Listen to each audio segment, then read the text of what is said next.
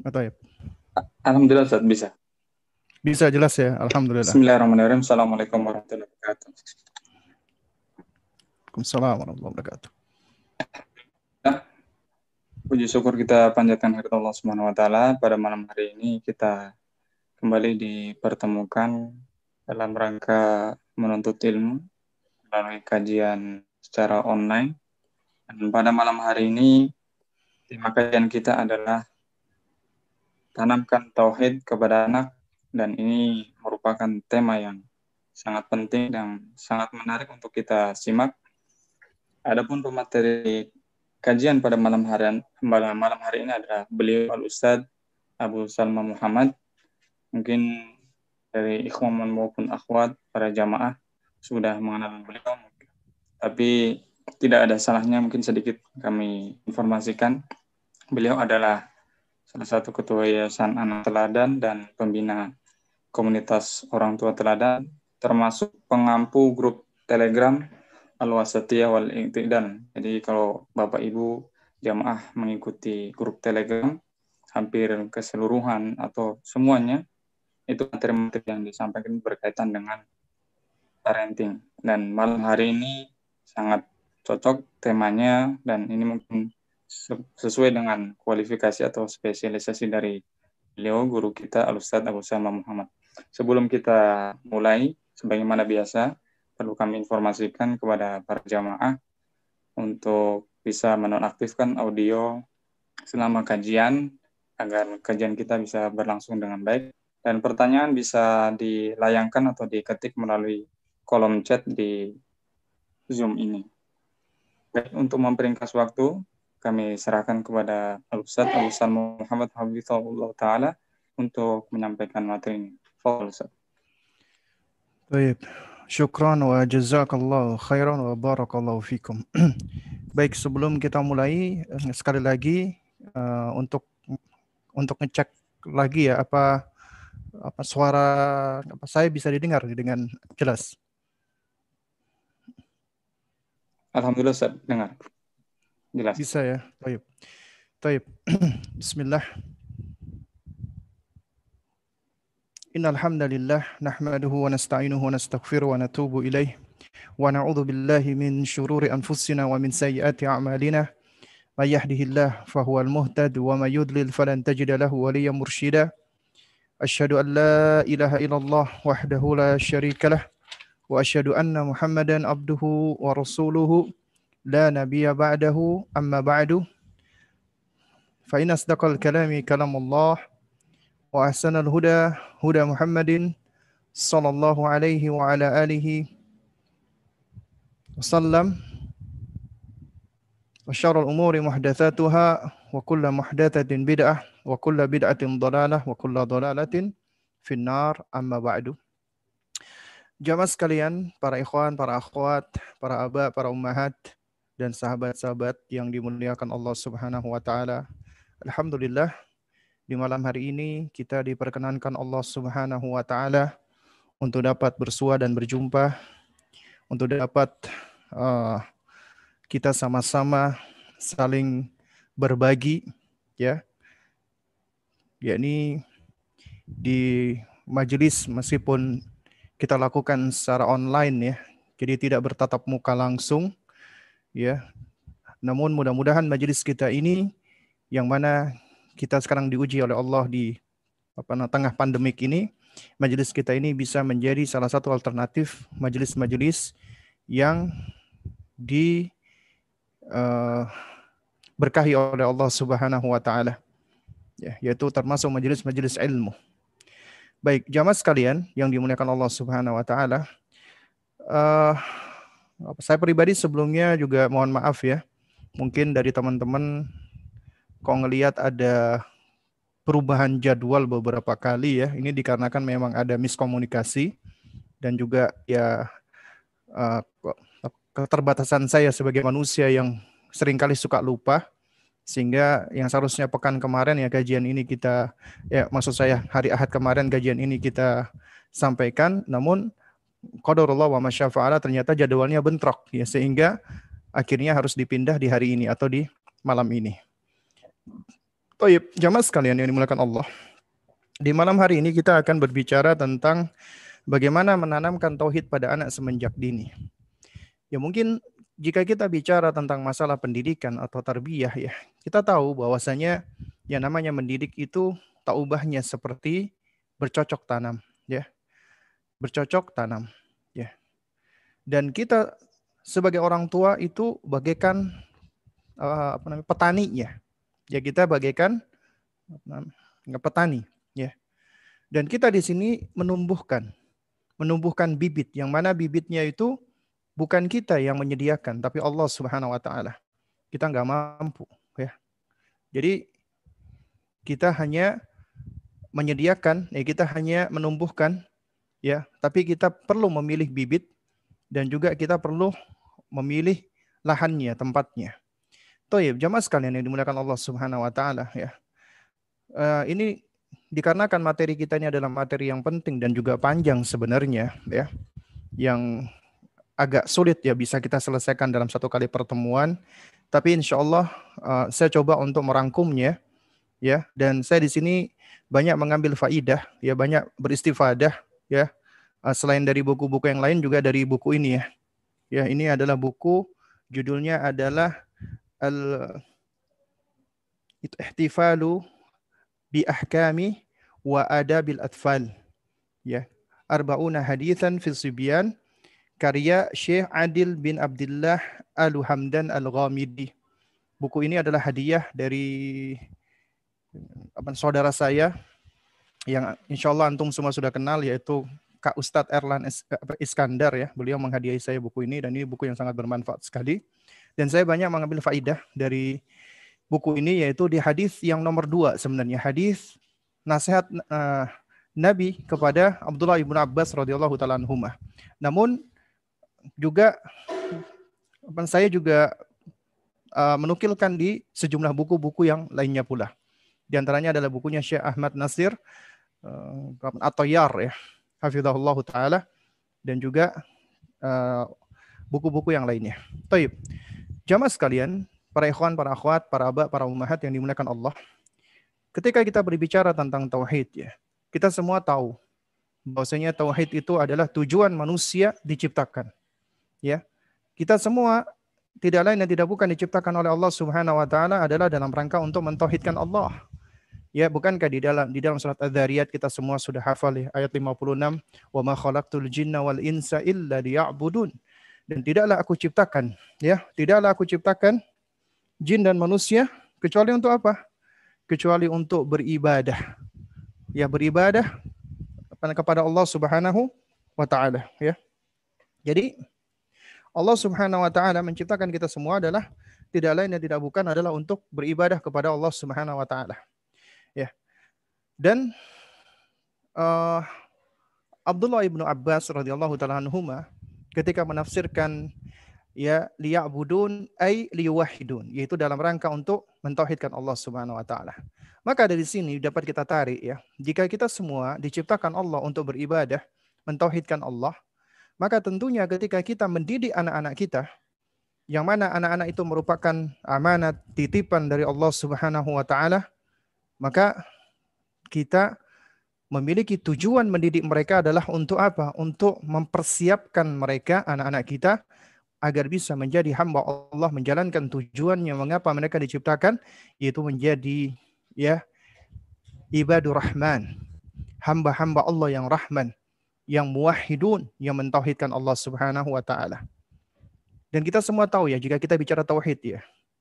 Ya, Al-Qur'anul Karim Allah turunkan para nabi dan para rasul Allah utus tidak lain dan tidak bukan adalah untuk tujuan ini, tujuan tauhid.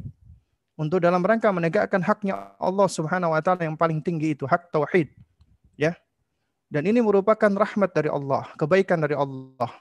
Allah Azza wa Jalla ciptakan kita, kemudian kita diperintahkan untuk bisa ya menegakkan haknya Allah, maka Allah akan akan apa? Allah akan memberikan haknya kita. Ya, ini sebagaimana yang disebutkan oleh oleh uh, apa namanya? oleh Syekhul Islam Muhammad bin Abdul Wahab di dalam kitab Tauhid ketika beliau menukilkan hadis yaitu hadis tentang haknya Allah dan haknya hamba. Hadis Muadz bin Jabal ya radhiyallahu taala anhu.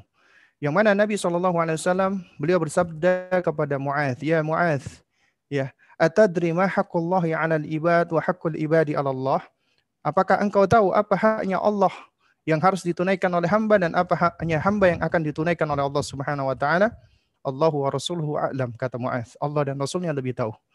Kemudian kata kata Nabi SAW, Nabi menerangkan bahwasanya haqqullahi 'alal ibad ya adalah apa?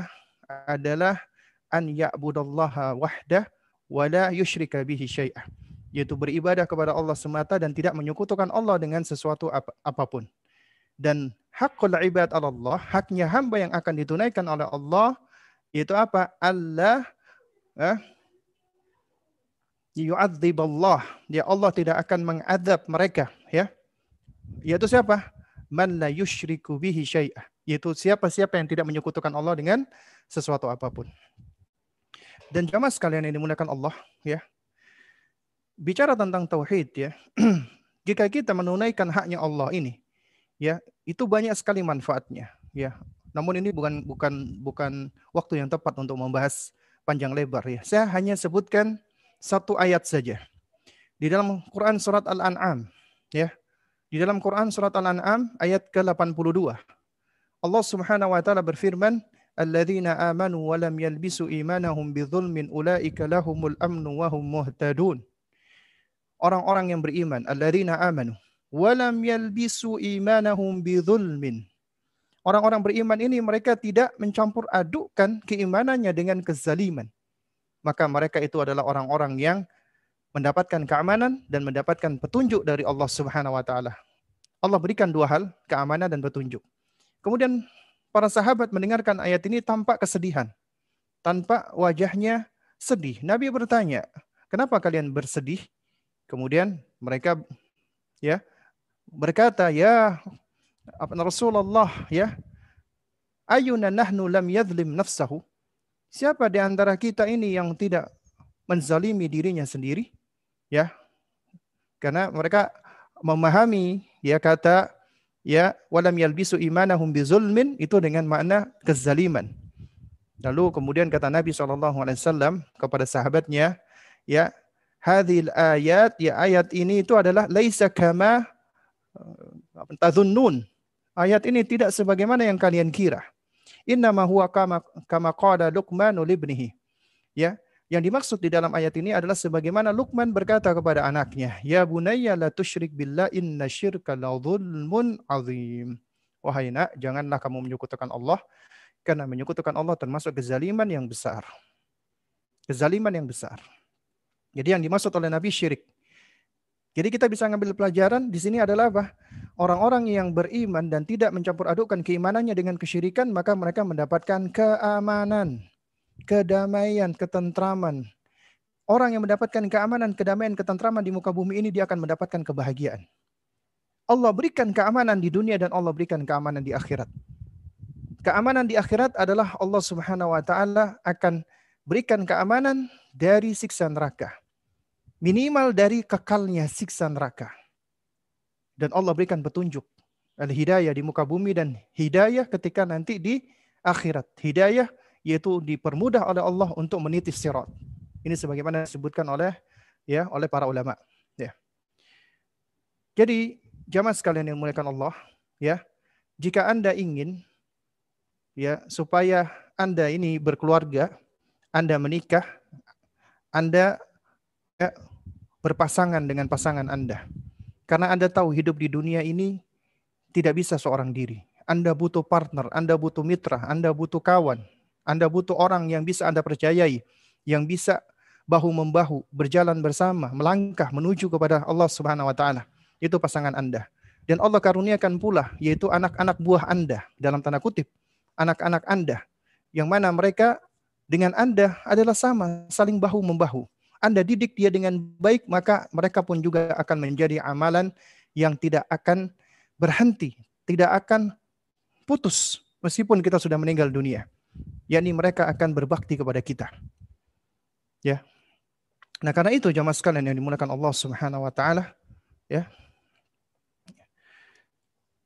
ketika Anda berkeluarga seperti ini, maka Anda harus tahu ya bahwa anda nggak akan bisa memperoleh keselamatan. Anda nggak akan bisa memperoleh keamanan. Anda nggak akan bisa memperoleh kebahagiaan. Anda nggak akan bisa memperoleh ketenangan, ketentraman. Kecuali dengan keimanan. Kecuali dengan tauhid. Jadi ini adalah perkara yang perlu untuk kita pahami bersama. Lalu kemudian, poin yang berikutnya yang ingin saya sampaikan berkenaan dengan ini, yaitu fahami kebaikan Allah di antaranya adalah karunia Allah kepada kita dan anak-anak kita. Allah ketika menciptakan kita dan Allah Subhanahu wa taala ya berikan kita tujuan untuk hidup di muka bumi ini dalam rangka untuk beribadah mentauhidkan Allah, Allah berikan kepada kita alat-alatnya, instrumennya. Ya, bahkan modulnya, manual book manual booknya, mohon maaf ya, buku manualnya dalam hal ini yaitu Al-Qur'an Allah sudah turunkan untuk kita semua. Tapi Allah di dalam diri kita pun Allah sudah persiapkan kita agar kita itu bisa siap untuk melaksanakan tugas ini. Ya, di antaranya apa? Allah berikan kepada kita fitrah. Allah berikan kepada kita fitrah. Fitrah kita berada di iman, ah, berada di atas iman, berada di atas tauhid. Ya, sebagaimana dalilnya surat Ar-Rum ayat ke-30. Ketika Allah berfirman ya, Fitrat Allah allati fatranasa alaiha ya. Demikianlah fitrah Allah yang Allah telah menfitrahkan, menciptakan manusia berada di atasnya. Karena kata fatara itu di antara maknanya adalah khalaqah. Menciptakan. Al-Hafidh Ibnu Katsir rahimahullah ketika menerangkan ayat ini beliau mengatakan annahu ta'ala fatara khalqahu ala ma'rifatihi wa tauhidihi wa ala annahu la ilaha ghairuhu. Allah Subhanahu wa taala ya menciptakan hamba-hambanya sudah berada di atas ma'rifatullah, mengenal Allah. Mentauhidkan Allah dan meyakini tidak ada sesembahan yang hak kecuali Allah. Itu sudah ada di dalam diri kita. Allah sudah ciptakan ada di dalam diri kita. Makanya Nabi juga mengatakan kullu mauludin yuladu alal fitrah atau dalam lafaz yang lain ma min mauludin illa yuladu alal fitrah. Semua yang dilahirkan itu sudah dilahirkan berada di atas fitrah. Islam kata Imam Nawawi ya wal asah minhu anna kulla mauludin mutahayyan lil Islam. Pendapat yang paling sahih dari pendapat para ulama tentang makna fitrah bahwasanya maknanya adalah setiap anak yang dilahirkan mereka sudah condong kepada Islam. Mutahayyan lil, Islam. Artinya sudah memiliki potensi berserah diri kepada Allah. Ya. Tapi fitrah ini dapat tidak tumbuh, dapat tenggelam, bahkan dapat rusak Siapa yang merusak? Fa'abawahu yuhawidanihi wa yunasiranihi wa yumajisanihi. Kedua orang tuanya menyebabkan ya menjadi Yahudi, Nasrani atau Majusi. Ternyata penyebabnya adalah orang tua. Rusaknya fitrah. Selain itu juga syaitan. Karena di dalam sebuah hadis qudsi Nabi bersabda, Allah berfirman, "Khalaqtu ibadi hunafa." Aku ciptakan hamba-hambaku itu hanif, lurus berada di atas fitrah.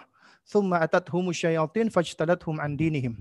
Kemudian datang syaitan, kemudian setan memalingkan mereka dari agama mereka. Jadi yang pertama adalah fitrah. Oleh karena itu tugas kita sebagai orang tua jaga fitrah iman, jaga fitrahnya berada di atas Islam. Ya. Lahir di atas Islam, maka pertahankan agar wafat juga di atas Islam. Makanya nasihatnya para khatib minal awal ilal akhir di mimbar-mimbar Jumat dan mimbar-mimbar yang lainnya, ya ayyuhalladzina amanu ittaqullaha haqqa tuqatih wa la tamutunna illa wa antum muslimun. Ya, wahai orang-orang yang beriman, bertakwalah kalian kepada Allah dengan sebenar-benarnya takwa dan janganlah kalian mati kecuali berada di atas Islam. Mati di atas Islam. Kemudian, jamaah sekalian, Allah juga berikan kita yang namanya instrumen al apa namanya? Itu adawat li ta'allum. Alat-alat untuk belajar. Dan Allah ciptakan kita ini bodoh. An-Nahl ayat 78. Wallahu akhrajakum min butuni ummahatikum la ta'lamuna syai'ah. Allah keluarkan kalian dari rahim-rahim ibu kalian dalam keadaan kalian gak punya ilmu. Bodoh. Gak ada pengetahuan kita sama sekali. Tapi ternyata waja'ala lakumus sam'a. Allah berikan kepada kalian pendengaran. Wal absar, penglihatan. ya Wal af'idah, dan pemahaman ya la'allakum tashkurun. Yang mudah-mudahan kalian bersyukur. Ya. Yaitu agar kalian bisa bersyukur kepada Allah. Ya. Dan Allah menyebutkan hal ini di dalam sejumlah ayat dan itu dengan urutan yang sama. Misalnya di dalam surat Al-Mu'minun ayat yang sama, ayat ke-78 pula. Allah mengatakan wa huwallazi ansha'a lakum ya as-sam'a ya wal basara wal fuada qalilan ma tashkurun. Dan dialah Allah yang ansya'ah ya ansya'a itu mengadakan bagi kalian, menciptakan bagi kalian yaitu pendengaran as-sam'a wal basara penglihatan wal fuada yaitu akal tapi qalilan ma tashkurun. Alangkah sedikitnya kalian yang mau bersyukur kepada Allah. Juga demikian di dalam misalnya surat uh, As-Sajdah ayat ke-9. Allah Subhanahu wa taala ketika menjelaskan tentang penciptaan manusia, Allah menerangkan thumma sawwahu wa nafakha fihi min ruhihi. Kemudian Allah ya menyempurnakan penciptaannya dan meniupkan di dalamnya roh dari ciptaannya. Wa ja'ala lakumus sam'a. Kemudian Allah berikan untuk kalian pendengaran wal absar penglihatan wal afida pemahaman. Qalilan ma tashkurun. Akan tetapi alangkah sedikitnya kalian yang bersyukur. Di dalam surat Al-Mulk banyak kita yang hafal ya alhamdulillah surat ini ya. Allah Subhanahu wa taala dalam ayat ke-22 atau 23 Allah Subhanahu wa taala mengatakan apa? Qul huwallazi ansha'akum wa ja'ala lakumus sam'a wal absara wal af'ida qalilan ma tashkurun. Ya, katakanlah dialah Allah yang memberikan kamu ya yang ansha'akum afwan. Dialah Allah yang menjadikan kamu, menciptakan kamu. Wa ja'ala lakumus sam'a dan Allah berikan kepada kamu pendengaran, wal absar, penglihatan, wal afidah dan pemahaman qalilan matashkurun akan tetapi sedikit kamu bersyukur. Jamaah sekalian, dari sejumlah ayat ini kita dapat mengambil pelajaran Allah berikan kepada kita al-adawat yaitu alat-alat instrumen li ta'allum untuk belajar. Tadinya kita bodoh, diberikan instrumen ini kita bisa tahu. Kita bisa memperoleh pengetahuan. Ya. Kita bisa memperoleh ilmu. Dan ini berkembang dan sebagaimana pula hasil dari observasi, penelitian, riset, yaitu ternyata sesuai dengan perkembangan secara, secara medical, medis, dan sains atau scientific. Yaitu ternyata yang berkembang pada anak adalah pendengaran dulu, kemudian penglihatan, baru kemudian kognisinya, pemahaman. Karena al-afidah kata Ibnu Katsir maknanya adalah al-ukul. Karenanya ya Allah Subhanahu wa taala itu melarang kita sebagaimana dalam surat Al-Isra ayat 36 untuk mengikuti sesuatu yang kita nggak punya ilmunya. Wala taqfu ma laisa laka bihi ilmun. Janganlah kamu mengikuti yang kamu nggak punya ilmu tentangnya. Kenapa? Ya, inna sam'a ya wal basara wal fuada kullu ulaika kana anhu mas'ula. Karena sesungguhnya pendengaran, penglihatan dan akal kita, pemahaman kita akan dimintai pertanggungjawaban oleh Allah. Al-Hafidh Ibnu Katsir rahimahullahu taala ya di dalam tafsirnya An-Nahl ayat 78 itu itu menerangkan dengan sangat bagus sekali. Ya. Pertama beliau beliau jelaskan ya Allah Subhanahu wa taala zakara ya minnatahu ala ibadihi. Allah menyebutkan minnah karunia-Nya kepada hamba-hambanya fi ikhrajihi iyyahum min butuni ummahatihim yaitu ketika Allah keluarkan mereka dari ya rahim-rahim ibu-ibu mereka la ya'lamuna syai'an, enggak punya ilmu sama sekali, bodoh. Enggak punya ilmu. Thumma ba'da hadha, kemudian setelah itu yarzuquhum ta'ala as-sam'a alladhi bihi yudrikuna al-aswat. Kemudian Allah karuniakan telinga dengan telinga itu mereka bisa ya, memahami suara, bisa mendengarkan suara. Ya, wal absar ya allati biha yuhissuna al-mar'iyat Kemudian penglihatan, yang dengan penglihatan ini mereka bisa sensing, merasakan sesuatu secara visual. Ya. Wal afidata dan pemahaman afidah wahyal ukul katanya Syekh, yaitu akal alladhi bihi yudrikuna ya uh, ya afwan yaitu wahyal ukul ya allati markazuha al-qulub kata beliau yaitu senternya pusatnya adalah hati ya ala sahih menurut pendapat yang paling kuat. Ya, wakila ad-dimagh, ada pula yang berpendapat otak, ya.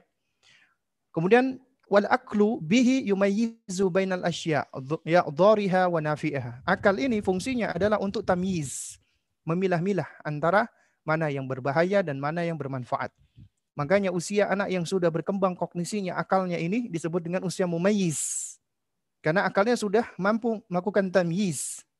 Kemudian kata beliau wahadihil kuwa ya dan kekuatan ini wal apa namanya hawasu dan indra-indra ini ya tahsulu lil insani ala tadrij qalilan qalilan. Ini perhatikan. Ya. Kekuatan dan indra-indra ini tahsulu ala insan diperoleh oleh manusia ya. Manusia memperolehnya ala tadrij bertahap. Berkembangnya bertahap, qalilan qalilan, sedikit demi sedikit. Kullama kabira zida fi sam'ihi wa basarihi wa aqlihi. Ya, setiap kali dia semakin gede, semakin bertambah usianya, maka akan semakin bertambah pula kemampuan mendengarnya, kemampuan melihatnya dan kemampuan akalnya. Hatta yablugha asyuddah. Sampai dia menjadi eh, sampai dia udah dewasa. Wa inna ma ja'ala ta'ala hadhihi fil insan dan sesungguhnya Allah menjadikan hal ini ada pada diri manusia. Apa tujuannya? Liyatamakkana biha min ibadati rabbih ta'ala untuk meneguhkan, mengokohkan dengan potensi-potensi ini dalam rangka untuk mengibadahi Allah Rabbnya. Tujuannya ternyata untuk mengokohkan ibadah. Ya. Fayasta'inu bikulli jarihatin wa udhuwin wa kuwatin ala ta'ati maulah. Kata Syekh. Dan juga dalam rangka untuk mensupport, menyokong, mendukung dengan semua jarihatin. Dengan semua anggota tubuh ini dan kekuatan ini ala ta'ati maulah dalam rangka untuk mentaati penciptanya. Makanya Allah bolak-balik mengatakan la'allakum tashkurun atau apa? Kata Allah Subhanahu wa taala ya. Ya, qalilan ma tashkurun. Akan tetapi alangkah sedikitnya kalian mau bersyukur. Jangan heran. Disebutkan pernah suatu ketika Khalifah Umar Ibn Khattab radhiyallahu taala anhu pernah beliau uh, pergi ke suatu pasar Kemudian nggak sengaja beliau mendengar ada seorang laki-laki berdoa. Orang ini berdoa, Ya Rabb, ya ij'alni minal qalilin. Wahai Rabb, jadikanlah aku termasuk orang-orang yang sedikit, yang minoritas. Umar kaget, heran. Kemudian dia bertanya kepada orang tadi, apa yang menyebabkan engkau meminta kepada Allah supaya engkau dijadikan orang-orang yang sedikit? Kemudian orang ini menjawab, Ya Amirul Mukminin, bukankah Allah Subhanahu wa taala sering kali memuji di dalam Al-Qur'an dengan apa uh, Allah sering kali memuji di dalam Al-Qur'an yaitu orang-orang yang sedikit. Wa qalilum min ibadiyasyakur dan alangkah sedikitnya dari hamba-hambaku yang bersyukur. Dan aku ingin menjadi hamba-hamba yang bersyukur yang sedikit tadi. Jadi jamaah sekalian, ya, pelajaran yang dapat kita ambil berikutnya adalah tentang masalah syukur. Karena ini syukur termasuk salah satu esensi daripada ibadah. Termasuk pendidikan yang pertama kali kita ajarkan kepada anak kita. Agar mereka bersyukur kepada Allah. Dengan semua karunia yang Allah berikan, mereka bersyukur. Karena ini pelajaran adab pertama kali mereka kepada penciptanya. Bersyukur kepada Allah. Dan bersyukur itu ada tiga rukun. Bersyukur dengan hati, iktiraf mengakui, hadha min fadli rabbina. Ini adalah karunia dari Rabb kami Bukan dikatakan hadza minni, ini dariku tidak. Tapi hadza min fadli rabbi. Ini adalah karunia dari Rabbku. Ini semua minallah. Ya.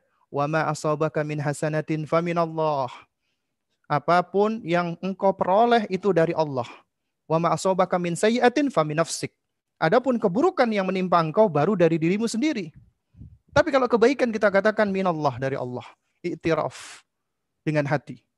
Kemudian kita ungkapkan dengan lisan. Kita ucapkan alhamdulillahilladzi bi ni'matihi tatimmus salihat. Alhamdulillah. Segala puji dan sanjungan hanyalah milik Allah Subhanahu wa taala. Dan alhamdu itu sanjungan yang paling tinggi. Pujian yang paling tinggi berangkat dari ta'ziman wa mahabbatan. Dari ta'zim mengagungkan dan kecintaan. Karena rasa cinta akhirnya muncul sanjungan tersebut. Ini sanjungan yang berasal dari rasa cinta. Beda dengan al-madah al-madhu, madah, itu cuman pujian biasa, sanjungan. Kita mungkin ngelihat orang, wah hebat, kita menyanjung. Cuman sekedar itu. Tapi kalau alhamdulillah, sanjungan dari rasa cinta. Baru kemudian, setelah hati dan lisan, baru kemudian al-jawarih amal perbuatan kita kita gunakan ya kenikmatan-kenikmatan tadi yang kita syukuri untuk mentaati Allah kita gunakan untuk di dalam ketaatan kepada Allah. Itu adalah rukunnya bersyukur kepada Allah. Nah, oleh karena itu jamaah sekalian yang muliakan Allah, mendidik anak kita tauhid itu sejatinya kita mendidik hati mereka.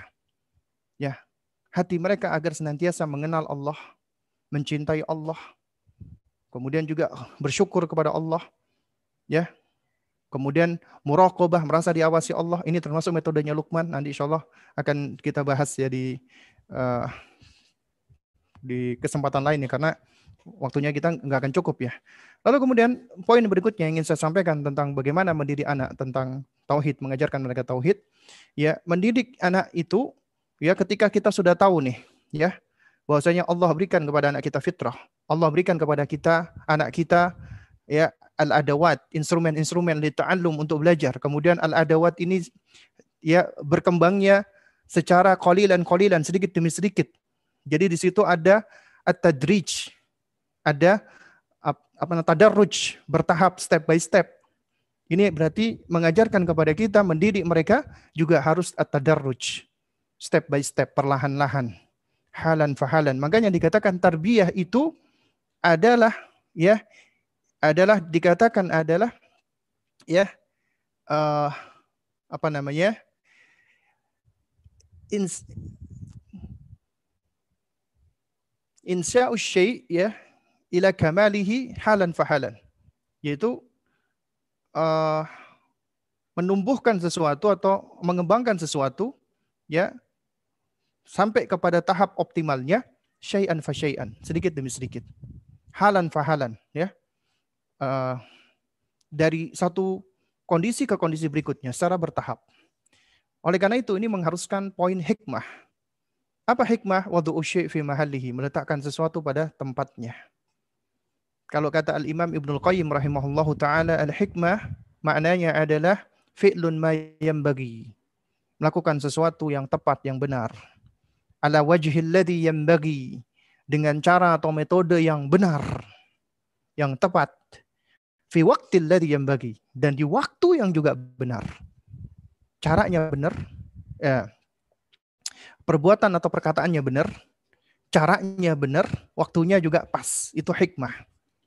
Nah, oleh karena itu makanya Syekh Ahmad bin Nasir At-Tayyar ya, hafizahullah di dalam bukunya Kaifa turabbi abna'aka ketika beliau menjelaskan di dalam bukunya ini ada 30 kaidah. Kaidah pertama yang beliau sebutkan Ya, qaidatul ula yang beliau sebutkan adalah tentang konsep hikmah.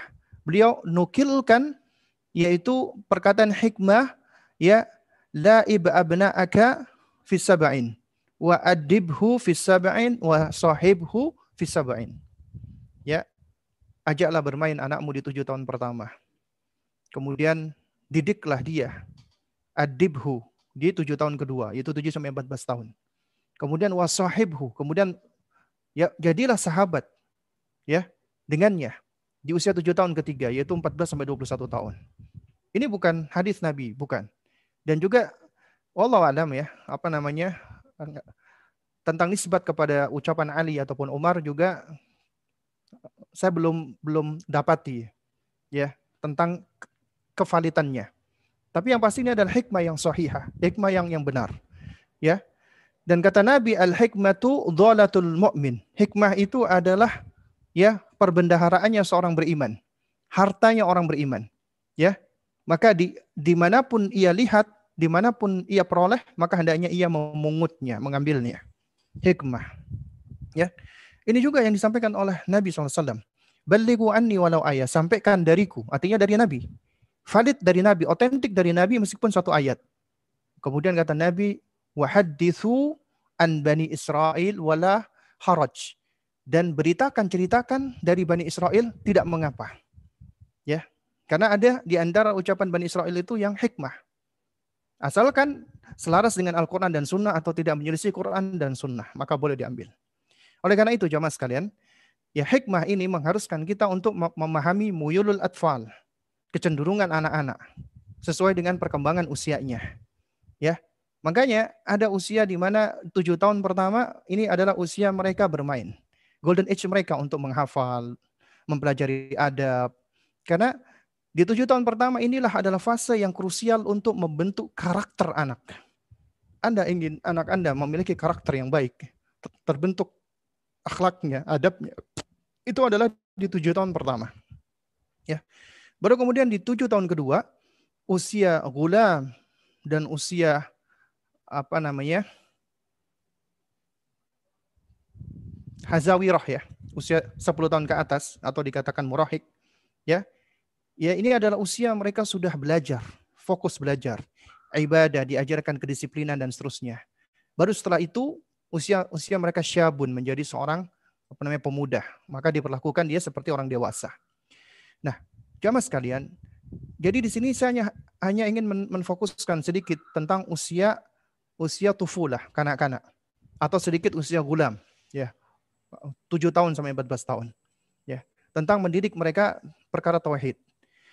Yaitu di usia pertama, tufulah, di mana pendengaran mereka itu paling dominan, itu metode yang kita gunakan, ini sebagaimana kita dapati di dalam sejumlah apa, apa, riwayat ya. Di sini saya banyak menukilkan dari buku ya Syekh Adil ya ya yaitu apa? Yaitu dengan cara mentasmi memperdengarkan mereka. Memperdengarkan mereka kalimat-kalimat thayyibah nih di sini coba saya bacakan di halaman 22 di buku ini. Ya an ishaq bin abdullah an jiddatihi ya. Um, ummi Sulaimin ya radhiyallahu taala anha ya dari Ishak bin Abdullah, dari neneknya yaitu Ummu Sulaim. Ummu Sulaim siapa? Ibunya Anas bin Malik. Ya, ibunya Anas bin Malik. Annaha amanat bi Rasulullah sallallahu alaihi wasallam. Bahasanya ketika beliau beriman kepada Rasulullah sallallahu alaihi wasallam, beliau bercerita, qalat faja'a Abu Anasin. Maka datanglah Malik ya. Eh, maka afan, maka datanglah bapaknya Anas. Bapaknya Anas namanya Malik ya. Ya, Wakana ghaiban. Ya, dia tadinya nggak ada keluar. Ya, kemudian ya dia melihat nih kalau istrinya sudah masuk Islam. Ya, faqala maka Malik ya bapaknya Anas berkata, uh, apa namanya sobuti ya makna uh, apa sobuti ya kata apa namanya sebuah itu artinya adalah orang yang berpindah agama. Ya. Jadi Malik ini dia masih musyrik. Dia bertanya kepada istrinya, "Apakah engkau sudah berpindah agama?" Ya, atau makna yang kedua adalah dia uh, beragama dengan agama apa sobiah. Cuman ini makna yang awal yang yang yang lebih pas. Ya, intinya apakah engkau berpindah agama? Qalat maka dijawab oleh Ummu Sulaim, "Ma sabautu ya. Walakinni amantu bihadzal rajul. Enggak. Ya, aku tidak tidak apa namanya aku tidak pindah agama. Artinya ini menunjukkan bahwasanya sebenarnya beliau itu berada di dalam di atas fitrah. Mungkin maknanya seperti itu. Kemudian beliau mengatakan akan tetapi aku ini beriman dengan orang ini yaitu Rasulullah Shallallahu Alaihi Wasallam. Ya. Nah qalat ya. Apa faja'altu ya uh, afwan ya. Faja'alat ya. Katulakkinu anasan. Wa tashiru ilaihi kulla ilaha illallah. Lalu kemudian Ummu Sulaim itu beliau akhirnya mentalkin ya beliau mentalkinkan atau mendiktekan kepada Anas yang ketika itu Anas usianya masih disusui oleh Ummu Sulaim ya. Lalu kemudian beliau berisyarat kepada Anas bin Malik dengan cara memberikan isyarat ucapkan la ilaha illallah wa asyhadu anna muhammadan rasulullah sambil disusui. Dia bolak-balik mendiktekan asyhadu an la ilaha illallah asyhadu anna muhammad rasulullah La ilaha illallah Muhammad Rasulullah. Ini beliau talkinkan kepada Anas. Ya, ini yang beliau yang beliau talkinkan bolak-balik kepada Anas ya. Lalu kemudian ya apa fayaqulu laha abuhu. Ya. Lalu kemudian bapaknya Anas tadi yang bernama Malik berkata kepada istrinya kepada Ummu Sulaim, "La tufsidi alayya ibni." Janganlah engkau rusak anakku, ya. Janganlah engkau merusaknya. Maka Ummu Sulaim menjawab, itu fatakulu inni la ufsiduhu. Aku enggak merusaknya, ya. Kemudian diceritakan oleh Ishaq bin Abdullah di sini, fa kharaja Malik Abu Anasin fa lakiyahu aduun faqatalahu. Kemudian Malik Abu Anas, bapaknya Anas ini keluar. Ketemu sama musuh, dibunuh dia, mati. Falamma apa namanya? Itu apa namanya? Balagha qatlahu ya. Ketika sampai berita ini kepada Ummu Sulaim, qalat maka Ummu Sulaim mengatakan la jaram la uftim ya anasan hatta yada'a itu athariyah hayyan ya. Aku enggak akan menuntut balas ya. Dan aku enggak akan berhenti menyusui Anas sampai dia ya melepaskan mohon maaf apa namanya payu darahku ya dalam dalam keadaan hidup artinya dia tetap disusui oleh oleh siapa oleh ibunya Ummu Sulaim sembari juga Ummu Sulaim senantiasa mentalkinkan Anas dari semenjak kecil dari semenjak disusui dengan kalimat tauhid la ilaha illallah. Ini caranya. Ini diriwayatkan oleh Ibnu Sa'ad di dalam apa namanya Tabaqat Al-Kubrah juz 8 halaman 425 ya. Kemudian juga perhatikan di sini ya. Ini disebutkan oleh Imam Ibnu itu Abi Syaibah ya. Di dalam kitab beliau ya karena Ali ibn Husain rahimahullah. Ya, Ali ibn Husain rahimahullah yu'allimu waladahu yaqul. Beliau mengajarkan anaknya dengan mengucapkan kul katakanlah nak amantu billahi wa kafartu bitaghut. Amantu billahi wa kafartu bitaghut. Aku beriman kepada Allah dan aku kufur kepada tauhid. Aku beriman kepada Allah dan aku kufur terhadap tauhid. Ini yang diajarkan, ditalkinkan oleh Ali ibn Husain. Tauhid, amantu billah wa kafartu bitaghut. Ya, makna tauhid adalah apa?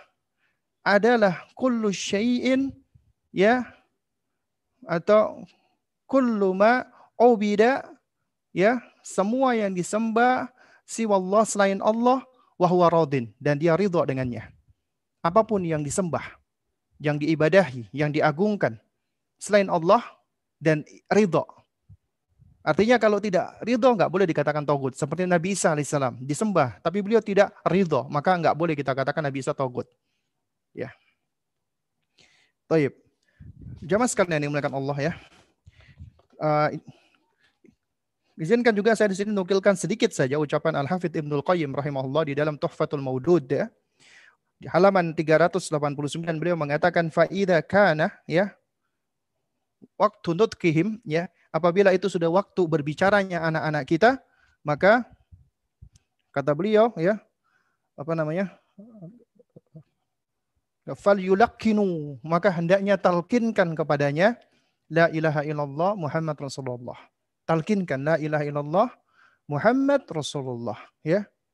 Waliyakun awwala ma yaqra'u masami'ahum ya.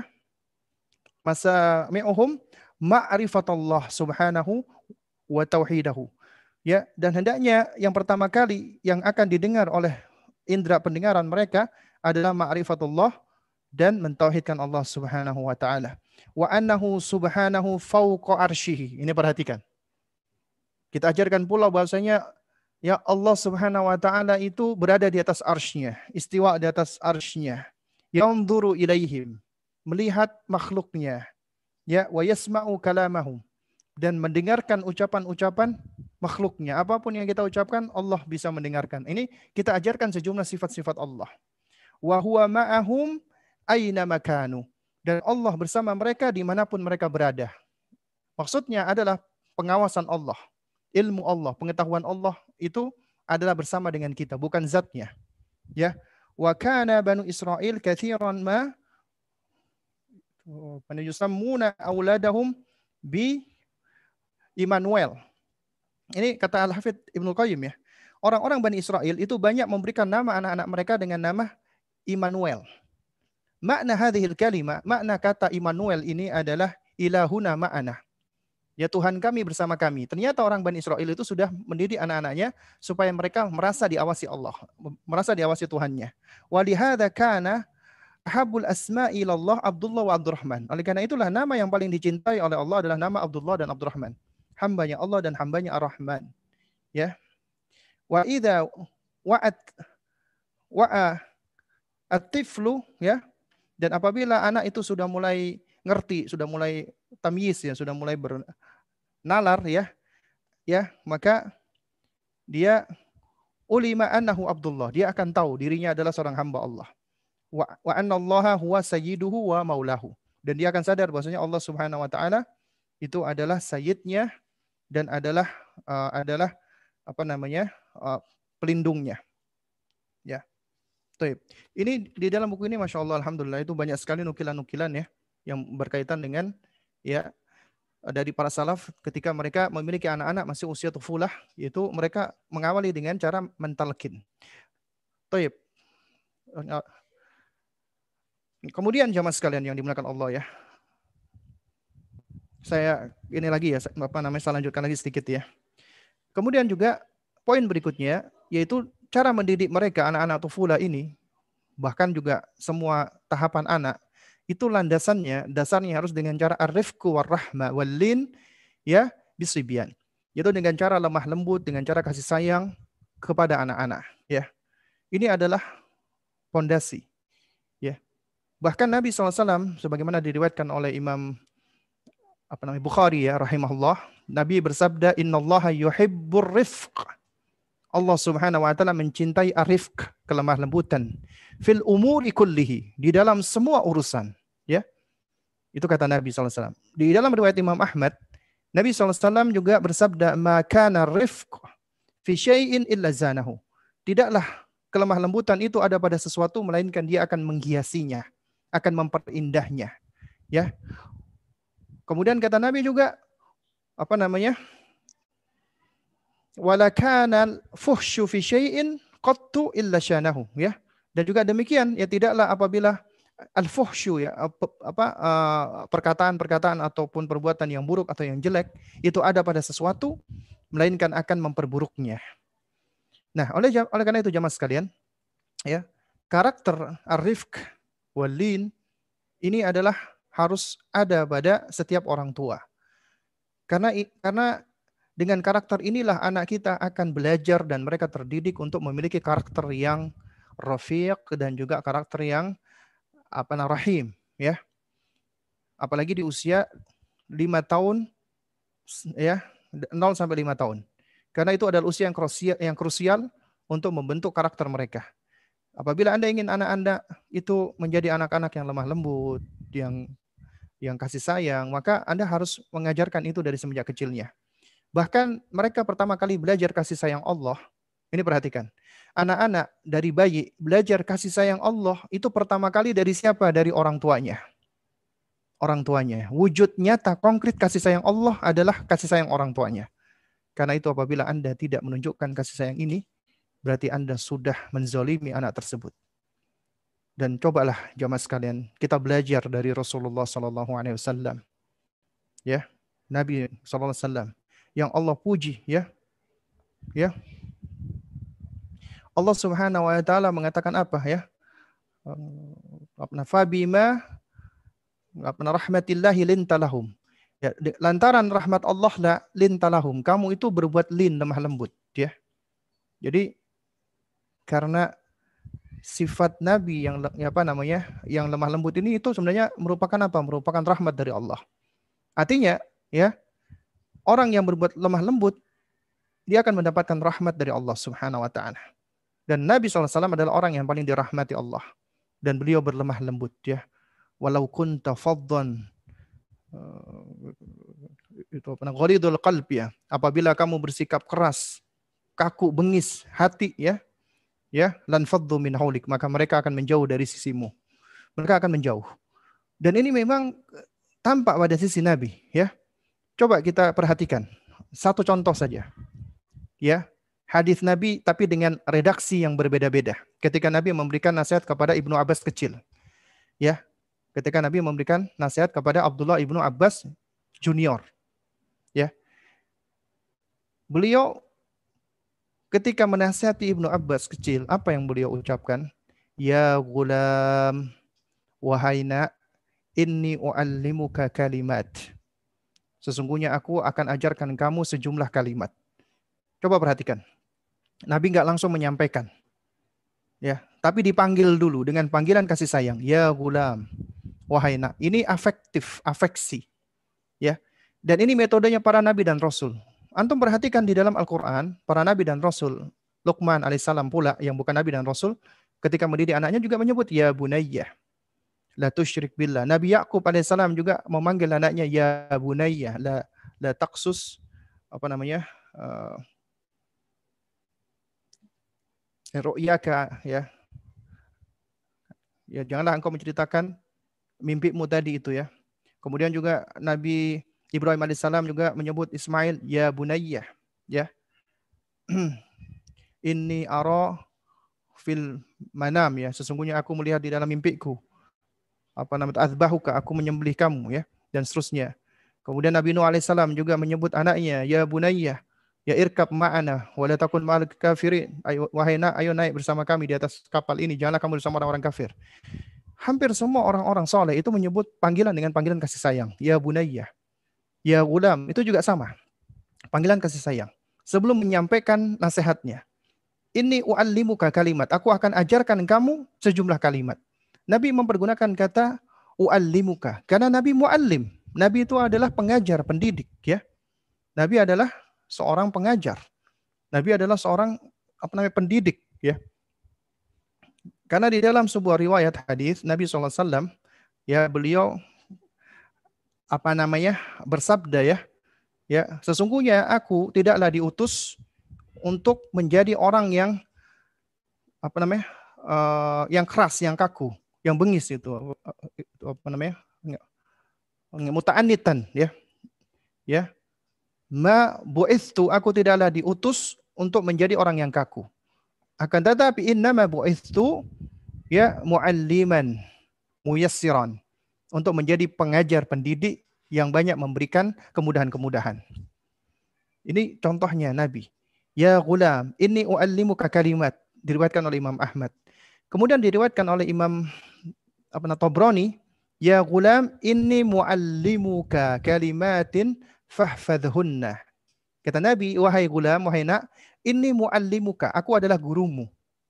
Ya, aku adalah gurumu, aku akan akan mengajarkan kamu sejumlah kalimat fahfadhunna.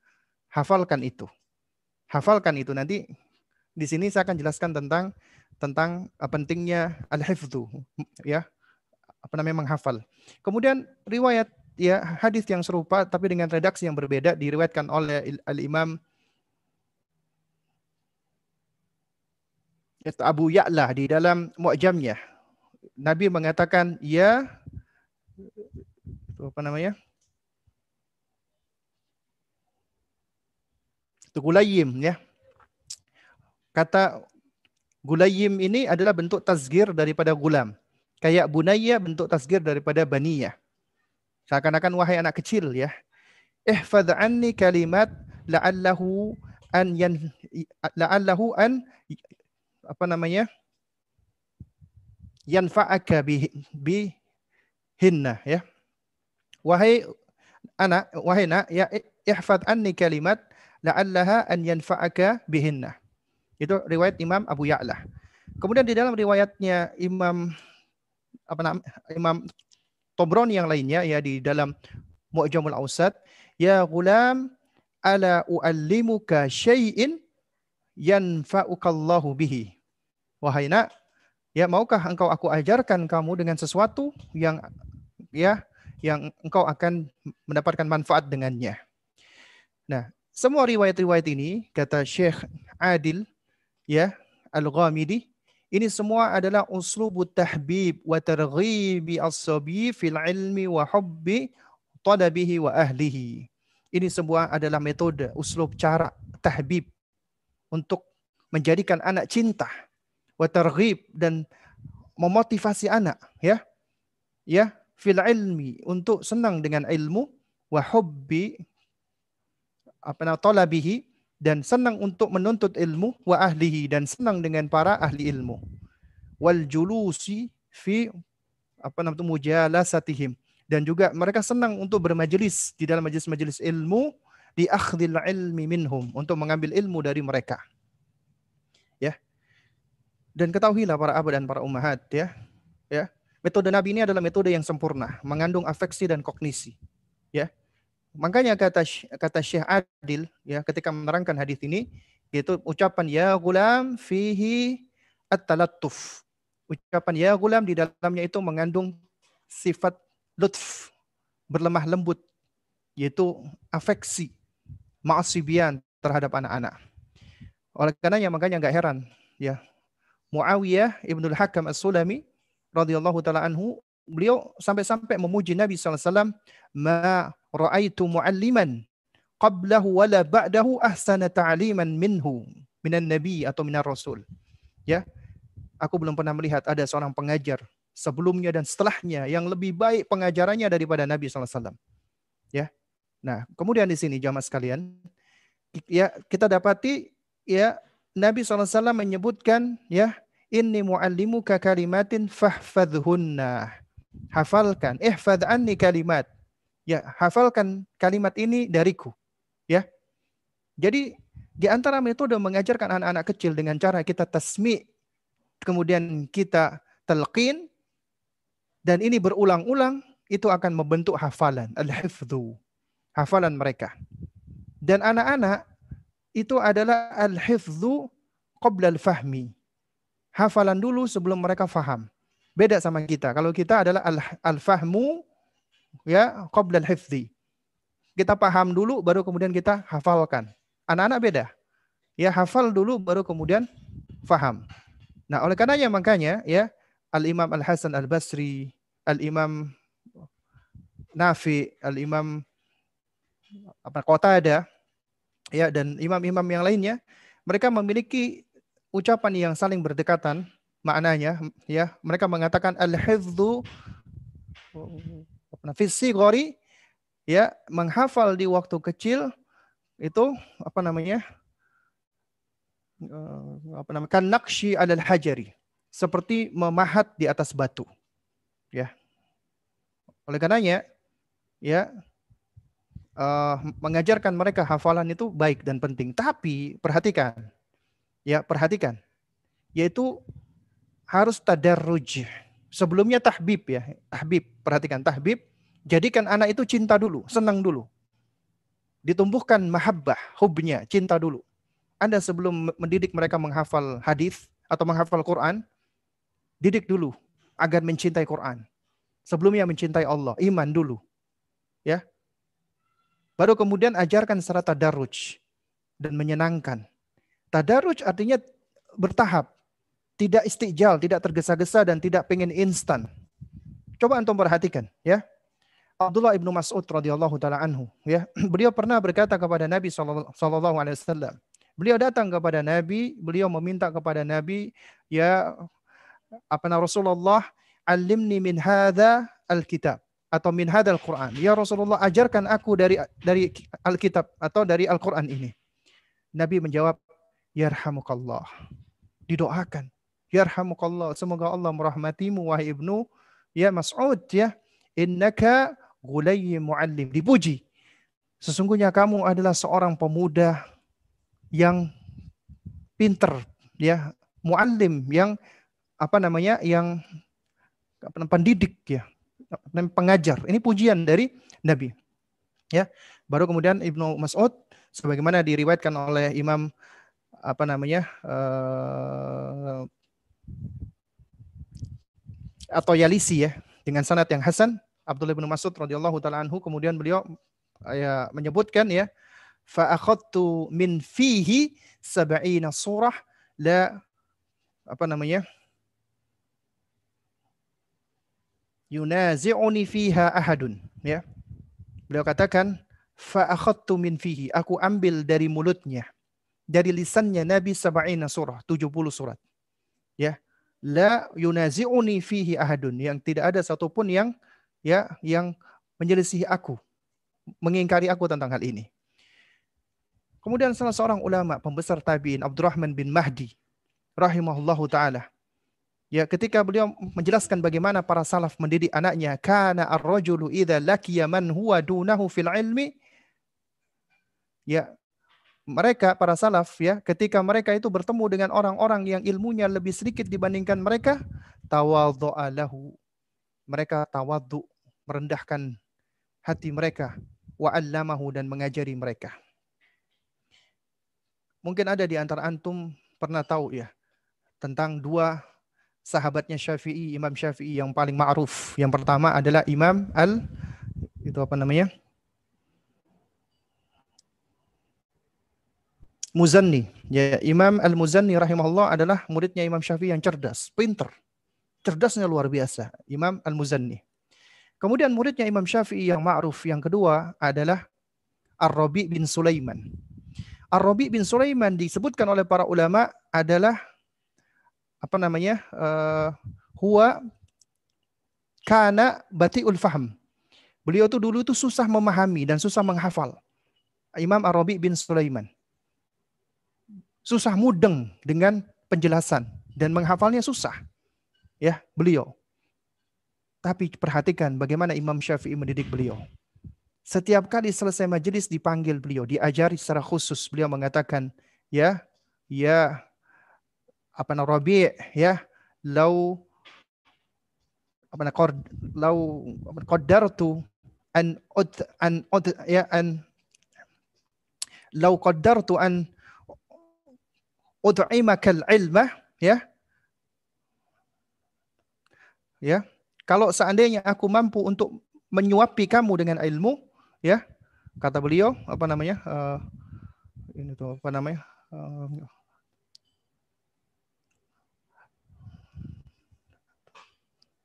apa namanya? Ya. Sebentar. Lau qadartu an ud'imaka al-ilmah kalau seandainya aku mampu untuk menyuapi engkau dengan makanan ya la at'amtuka aku akan suapi engkau. Ini disebutkan oleh al-Imam Abu Nuaim di dalam kitab Al-Haliyah ya.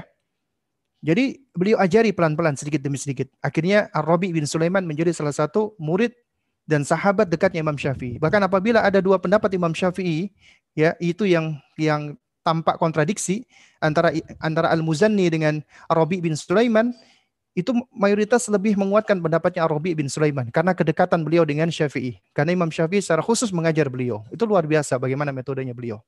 Ya. Terus kemudian jamaah sekalian yang dimuliakan Allah ya. Insya Allah ini sudah pukul setengah sembilan ya. Oke ini kita lanjutkan sedikit lagi ya.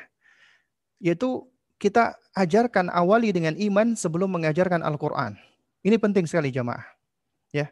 Dan ini juga perkara yang sudah beberapa kali saya sampaikan ya. Di dalam uh, sejumlah majelis-majelis kajian ya. Dan ini metodenya para sahabat, metodenya para salaf. Di antaranya Jundub bin Abdullah Al-Bajali radhiyallahu taala anhu, sahabat Nabi SAW yang ketika itu masih apa namanya pemuda, masih anak-anak. Beliau bercerita sebagaimana diriwayatkan oleh Al-Imam apa namanya? Ibnu Majah ya. Kemudian Al-Baihaqi, kemudian oleh Al-Imam apa namanya? Itu Ibnu Mandah dia dengan sanad yang sahih. Beliau berkata, "Kunna ghilmanan hazawiratan."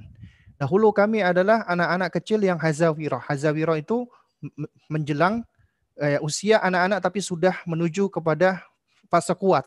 Ya, artinya menjelang balik usia 10 tahun ke atas. Itu usia hazawiratan. Karena kata Al-Hafidh Ibnu Hajar ketika menjelaskan fase usia, usia 10 tahun sampai balik 14 atau 15 tahun disebut dengan fase apa namanya ini, fase hazawirah, ya.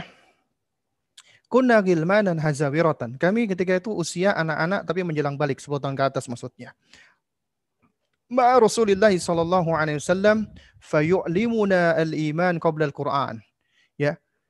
Kami bersama dengan Nabi, beliau mengajarkan kami iman dulu sebelum mengajarkan Quran.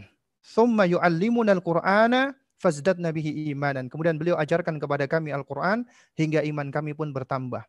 Wa innakum al-an, adapun kalian di hari ini ya ta'allamuna al-Qur'an qabla al-iman. Kalian lebih cenderung belajar Quran dulu sebelum belajar iman. Ya.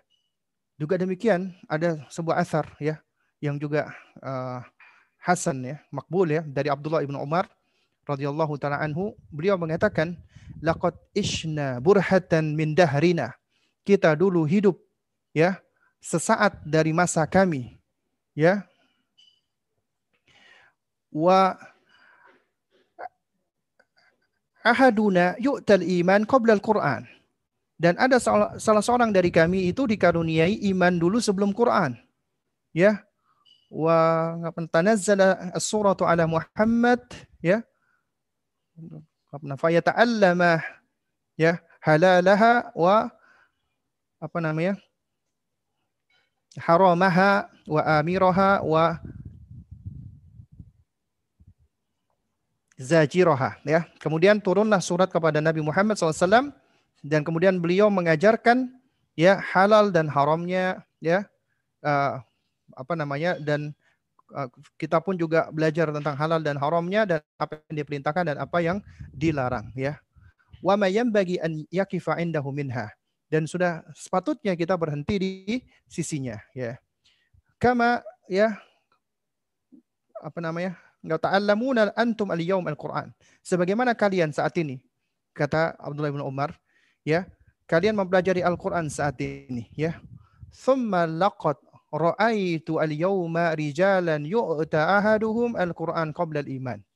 Kemudian sungguh aku lihat hari ini, saat ini ada orang-orang yang dikaruniai Al-Quran, tapi sebelum iman. ya Fayaqra'u ma bayna fatihihi ila khatimatihi dia membaca dari Fatihah dari awalnya sampai sampai akhirnya Al-Qur'an itu surat An-Nas ya ma yadri ma uh, ya ma yadri dia nggak tahu ya apa dia nggak tahu ma uh, ma apa namanya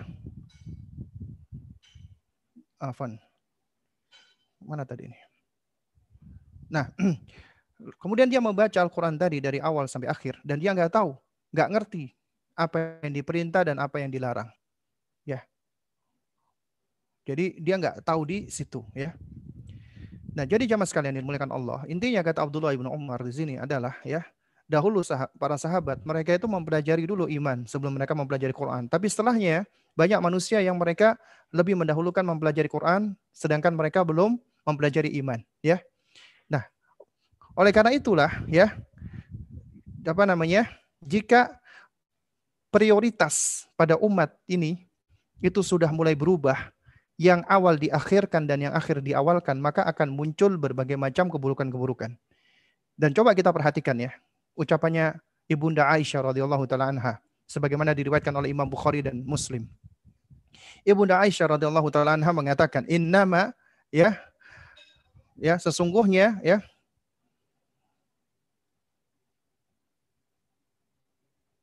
nazala awwala ma nazala minhu suratun minal mufassali. Sesungguhnya yang turun pertama kali dari Al-Quran itu adalah surat-surat Al-Mufassal. Al-Mufassal itu surat-surat pendek. Karena banyak fasal-fasalnya, banyak pemutus-pemutusnya. Artinya ayat-ayat surat-surat pendek. Ya. Artinya surat-surat pendek ini di antara ciri-cirinya surat makiyah ya. Fiha dzikrul jannati wan nar. Di dalam surat-surat pendek ini banyak disebutkan tentang al-jannah wan nar, surga dan neraka, masalah keimanan. Ya. Hatta idza nathaban nasu ila al-islami nazala al-halal wal haram, ya. Sampai ketika manusia sudah ya sabah, sudah kokoh, ya, sudah kuat, ya, keislamannya di dalam keislamannya baru turunlah perkara halal dan haram. Kemudian perhatikan kata Ibunda Aisyah walau nazala awwala syai'in la ya, la tashrabu al-khamrah. Kalau seandainya yang turun pertama kali dari Al-Quran itu, janganlah kamu minum khamr, laqalu maka mereka akan mengatakan la nada'ul khamra abadan. Kami enggak akan meninggalkan khamr selama-lamanya. Walau nazala la taznu. Sekiranya Al-Quran turun pertama kali, janganlah kamu berzina. Laqalu, maka mereka akan menolaknya dengan mengatakan, la nada zina abadan. Aku enggak akan meninggalkan zina selamanya. Apa yang bisa kita ambil pelajarannya? Kita bisa ambil pelajarannya jamaah sekalian. Al-Quran turun pertama kali memang dan ini yang didakwahkan Nabi 13 tahun lebih lama beliau menguatkan masalah akidah, masalah tauhid. Baru kemudian beliau pindah ke Madinah. Selama 10 tahun itu baru beliau sudah mulai menegakkan bangunan. Sebelumnya beliau membangun pondasinya terlebih dahulu. Masalah akidah dulu. Dan ini sebenarnya pelajaran yang bisa kita ambil pula untuk dalam hal tarbiyah ataupun pendidikan. Oleh karenanya ya, Syekh Dr. apa namanya? Hisamuddin ya. Hafizahullah taala ketika beliau uh, menerangkan riwayat tadi yaitu yang dari Ibunda Aisyah ini diriwayatkan oleh Imam Bukhari dan Muslim. Beliau mengatakan wa ka'annaha ya dan seakan-akan ya Ibunda Aisyah radhiyallahu taala anha taqul beliau mengatakan ya inna ayatal iman nazalat qabla ya qabla ayatil ahkam. Ya, sesungguhnya ayat-ayat tentang keimanan itu turun sebelum ayat-ayat hukum. Fa'a fa'a manan nasu awalan thumma amilu bil ahkami thaniyan. Kemudian manusia itu pun beriman pertama kali kemudian mengamalkan hukum-hukum berikutnya.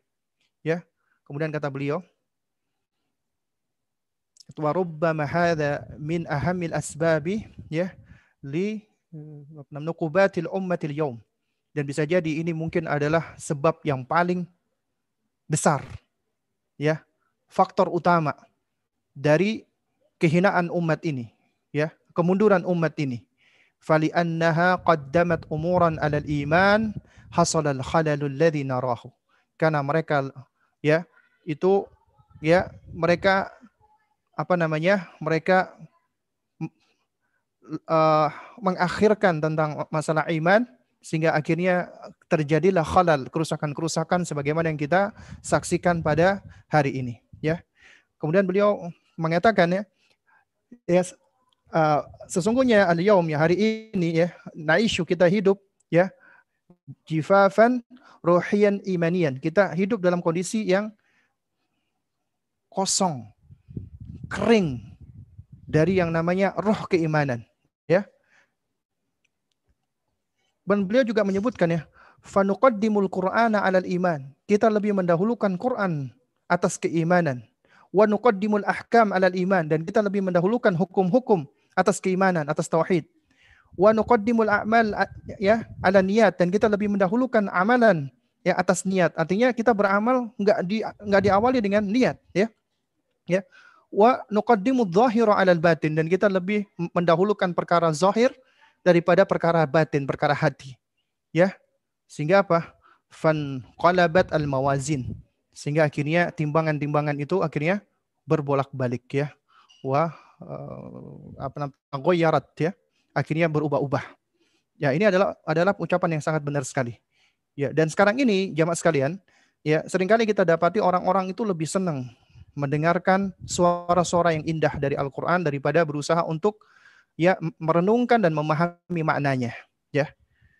Taib, jamaah sekalian yang dimuliakan Allah Subhanahu wa taala ya.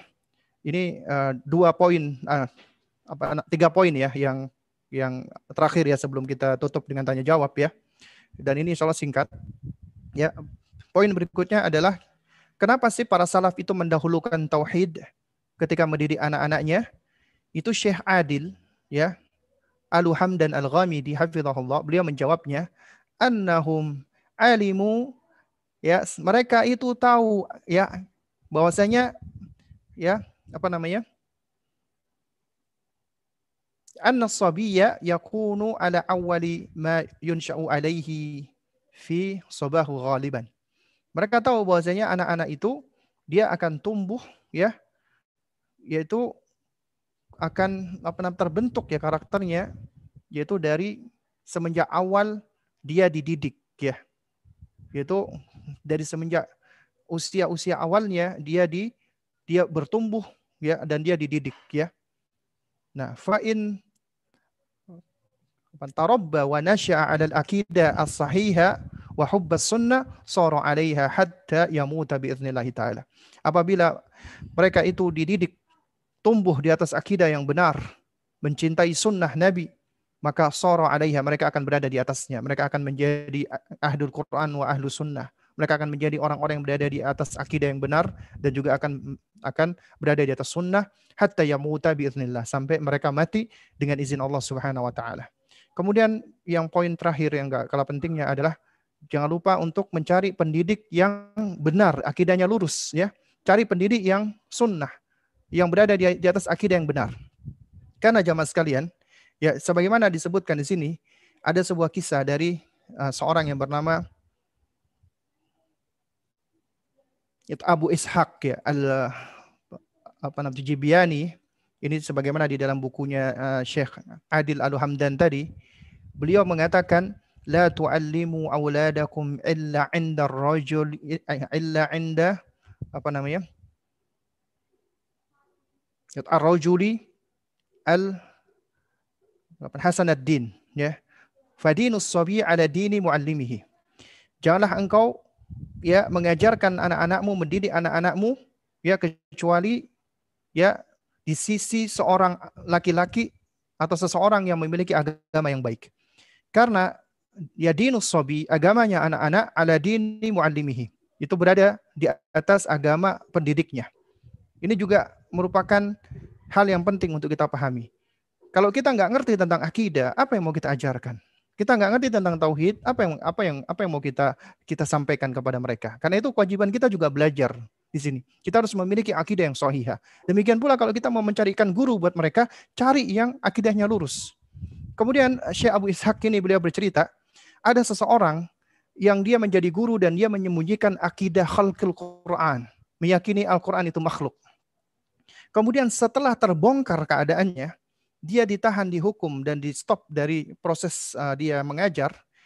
Kemudian dia pernah ya murid-muridnya dia tanya ya ma apa namanya takuluna fil Quran. Apa yang ya apa yang uh, jadi orang ini ya si guru ini ditangkap nih. Kemudian murid-muridnya dipanggil. Kemudian ditanya ya apa pendapat kalian tentang Al-Qur'an ya? Anak-anak ini murid-muridnya ini kemudian mereka menjawab ma'il malana, kami nggak punya ilmu mengenainya. Kemudian orang ini yang yang dihadapkan pula dengan anak-anaknya, dia mengatakan kul huwa makhluk. Katakanlah Al-Qur'an itu makhluk lan eh, tazalu ala hadzal qul walau qutiltum. Kalian tetap terus pegang ucapan ini meskipun kalian meninggal dunia. Akhirnya mereka di di bubarkan ketika itu. Kemudian kata Abu Ishaq yang menyampaikan cerita ini ya, wa balagoni anhum annahum matu kulluhum ya'takiduna ala hadzal qawli. Sampai berita kepadaku bahwasanya mereka semua murid-muridnya ini ya, mereka semua ya mati tetap berkeyakinan dengan keyakinan ini. Waliyadzubillah. Kemudian di sisi lain beliau juga bercerita ya tentang pendidik yang baik ya. Beliau mengatakan wa balagoni an muallimin afif ya telah sampai kepadaku ya tentang seorang pengajar yang sangat mulia sekali yang sangat baik ya wa huwa hawalal ka'bah yadu Allah wa yaqul dia sedang tawaf di Ka'bah Kemudian dia berdoa kepada Allah. Bayangkan sedang tawaf di Ka'bah, dia berdoa mendoakan murid-muridnya. Allahumma ayyama gulamin allamtuhu faj'alhu min ibadikas salihin ya Allah ya. Siapa saja dari murid-muridku anak-anak muridku yang aku ajarkan yang aku didik maka jadikanlah dia termasuk hamba-hambamu yang saleh. Ya kemudian kata Abu, Abu Ishaq tadi fabalaghani annahu kharaja ala yadayhi nahwa sab'ina aliman salihan. Kemudian sampai berita kepadaku bahwasanya telah keluar dari ya hasil dirikan orang ini murid-muridnya dia itu ada 70 orang alim saleh, menjadi orang yang alim dan saleh. Kemudian beliau mengatakan fama abada ma baina rajulaini. Sungguh alangkah jauhnya antara kedua orang tadi. Orang pertama yang berakidah khalqul Quran, kemudian mendidik anaknya sampai mereka murid-muridnya itu mati berada di atas akidah yang sesat ini. Kemudian pendidik yang kedua adalah yang dia selalu mengingat dan mengajarkan kebaikan sampai-sampai ketika dia sedang tawaf, ya, dia sedang uh, tawaf di Ka'bah, dia mendoakan anak-anak muridnya. Kemudian yang terakhir jamaah sekalian, tugas kita cuma berusaha ikhtiar ya. kemudian kita doa ya. Doa ini adalah ya uh, ini adalah di antara yang banyak dicontohkan oleh para ulama-ulama kita ya. Para nabi dan para rasul bahkan Al-Qur'an ketika menyebutkan anak-anak yang saleh ya. Anak-anak yang uh, menjadi qurratul ayun itu semua dalam format doa. Karena itu jangan tinggalkan doa ya oleh karena itu makanya doa ini adalah di antara perkara penting. Kenapa? Karena sejatinya ketika kita mendidik, kita itu cuma menyampaikan saja. Kita nggak memegang hati-hati mereka. Kita nggak bisa memberikan petunjuk atau hidayah taufik kepada mereka, kepada anak-anak kita. Tetap hasilnya di tangan Allah. Karena itu tugas kita cuma menyampaikan, selebihnya kita serahkan kepada Allah. Kita bertawakal kepada Allah. Allah nggak melihat hasilnya, Allah melihat prosesnya. Allah melihat usaha kita. Allah Ta'ala alam Mungkin ini yang dapat saya sampaikan. Ini pas kurang 4 menit ya kita jam 9 ya baik mungkin ada pertanyaan yang bisa saya jawab akan saya jawab yang tidak bisa saya jawab maka harap di maklumi ya wallahu taala alam bisawab Taib. Ini uh, apa namanya pertanyaannya apa saya baca langsung atau di di apa namanya pilih-pilih dulu ini? Mungkin di pilih-pilih dulu setnya. Ada Hah? beberapa pertanyaan yang mungkin yang sudah terjawab. Ustaz. Toyib, uh, Ustadz, bagaimana cara menanamkan tauhid di usia anak yang baru belajar berbicara? Ini apa anak sudah dibahas tadi ya. Itu uh, di antaranya tadi ada riwayatnya Ummu Sulaim, ibunya Anas bin Malik yang mulai dari menyusu itu bolak-balik ditalkinkan la ilaha illallah Muhammad Rasulullah. Juga demikian ya. Apa namanya? Uh, yaitu apa namanya dari riwayat dari apa namanya Ali bin Hussein ya. Bahwasanya beliau udah mentalkinkan anaknya mengajarkan anaknya untuk mengucapkan amantu billah wa kafartu bitaghut ya. Atau ucapan-ucapan yang semisal isinya tauhid hendaknya kita sudah sering-sering apa mentalkinkan mereka. Dan juga kata Al-Hafidz Ibnu Qayyim rahimahullah tadi sebagaimana di dalam Tuhfatul uh, Maudud adalah ketika anak baru belajar bicara hendaknya dia sering-sering ditalkinkan untuk mengucapkan kalimat la ilaha illallah. Ya artinya kita sering perdengarkan mereka lafzul jalalah Allah Allah Allah la ilaha illallah Muhammad Rasulullah dan seterusnya agar mereka terbiasa mendengar dan terbiasa mendengar akan mudah bagi mereka untuk mengucapkannya. Dan ketika mereka itu ya mengawali perkataannya dengan kalimat thayyibah, insya Allah Allah akan mudahkan baginya untuk mengakhiri ya ketika eh, dia harus wafat meninggal dunia maka Allah akan mudahkan untuk baginya ya dengan uh, menutup hidupnya dengan kalimat thayyibah pula ya. Tentunya dengan izin Allah Allah alam Ustaz, jika orang tua mengabaikan agama, tapi anak selalu beribadah, dan orang tua tersebut tidak menyukai anak mengikuti tauhid, apakah orang tua itu berdosa? Berdosa. Dosanya besar, ya sudah mengabaikan kemudian melarang anaknya untuk beribadah ya dan tidak ada ketaatan di dalam kemaksiatan bagi orang tua seperti ini tapi tetap harus berbuat baik kepada orang tua yang seperti ini ya jadi apabila kita misalnya diuji oleh Allah Subhanahu wa taala punya orang tua ya. Orang tua yang yang misalnya dia itu uh, apa namanya belum belum belum paham agama gitu ya. Kemudian melihat anak-anaknya ya anak-anaknya ketika belajar apa namanya belajar agama Islam kemudian mereka merasa khawatir merasa takut ya. Kemudian kita dilarang untuk ngaji. Bahkan ada orang tua yang melarang anaknya untuk berhijab dengan hijab syar'i maka kita tidak boleh menaati orang tua kita di dalam perkara-perkara yang seperti itu dan ini sebagaimana sudah disebutkan dalam surat Luqman ayat ke-15 ya Allah sebelum apa di antara nasihat Luqman ya. Ini kan isinya adalah nasihat Luqman kepada anaknya. Ya, setelah ayat ke-13, 14 15 itu adalah nasihatnya Allah. Ya seakan-akan Allah Subhanahu wa taala ingin mengingatkan bagi para orang tua karena Luqman memberikan nasihat ya bunayya la tusyrik billah inna syirka la dzulmun adzim. Ya. Kemudian di apa selangi dulu ya. Jadi Allah Allah uh, masuk dulu di dalam nasihat ini sampai dua ayat baru kemudian nasihat Luqman berikutnya berikutnya ya yaitu apa Allah mengingatkan tentang haknya orang tua Allah mengatakan di ayat ke-14 apa namanya Wa wasaina al-insana biwalidayhi hamalathu ummuhu wahnan ala wahnin wa fisaluhu fi apa namanya? amaini ya anishkur li wali walidayka ilayyal masir ya. Wa wasaina al-insana biwalidayhi ya dan hendaklah ya dan Allah mewasiatkan ya Allah memerintahkan kepada manusia. Ini artinya kepada manusia, bukan cuma kepada muslim. Jadi kepada semua manusia untuk berbuat baik kepada kedua orang tuanya. Kemudian Allah khususkan ibu hamalathu ummuhu wahnan ala wahnin. Ya, kemudian ibunya itu uh, mengandungnya semakin lama semakin berat. Wa fisaluhu fi amaini. Kemudian dia menyapihnya sama dua tahun.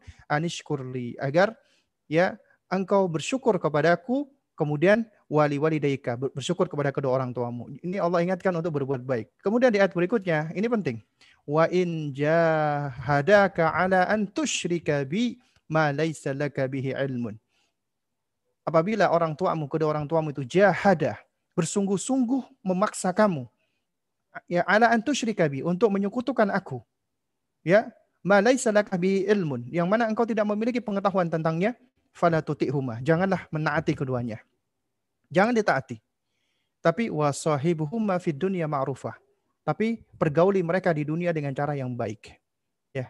Di dunia kita pergauli dengan cara yang baik. Ini orang tua yang musyrik. Atau sebagaimana dengan orang tua yang muslim? Ya. Oleh karena itu makanya jawaban ini dari dua sisi. Kalau kita sebagai anak, maka kita bersabar. Kita doakan kebaikan buat orang tua kita dan kita tunjukkan akhlak yang baik dan kita tunjukkan bahwasanya ya uh, Islam itu adalah indah, bagus karena sering kali mereka berbuat seperti itu karena apa? Karena kejahilan mereka. Ya, dan manusia itu ketika dia jahil ya, itu cenderung untuk memusuhi yang tidak dia ketahui, ya. Dia memusuhi apa yang dia tidak mengetahuinya. Ya.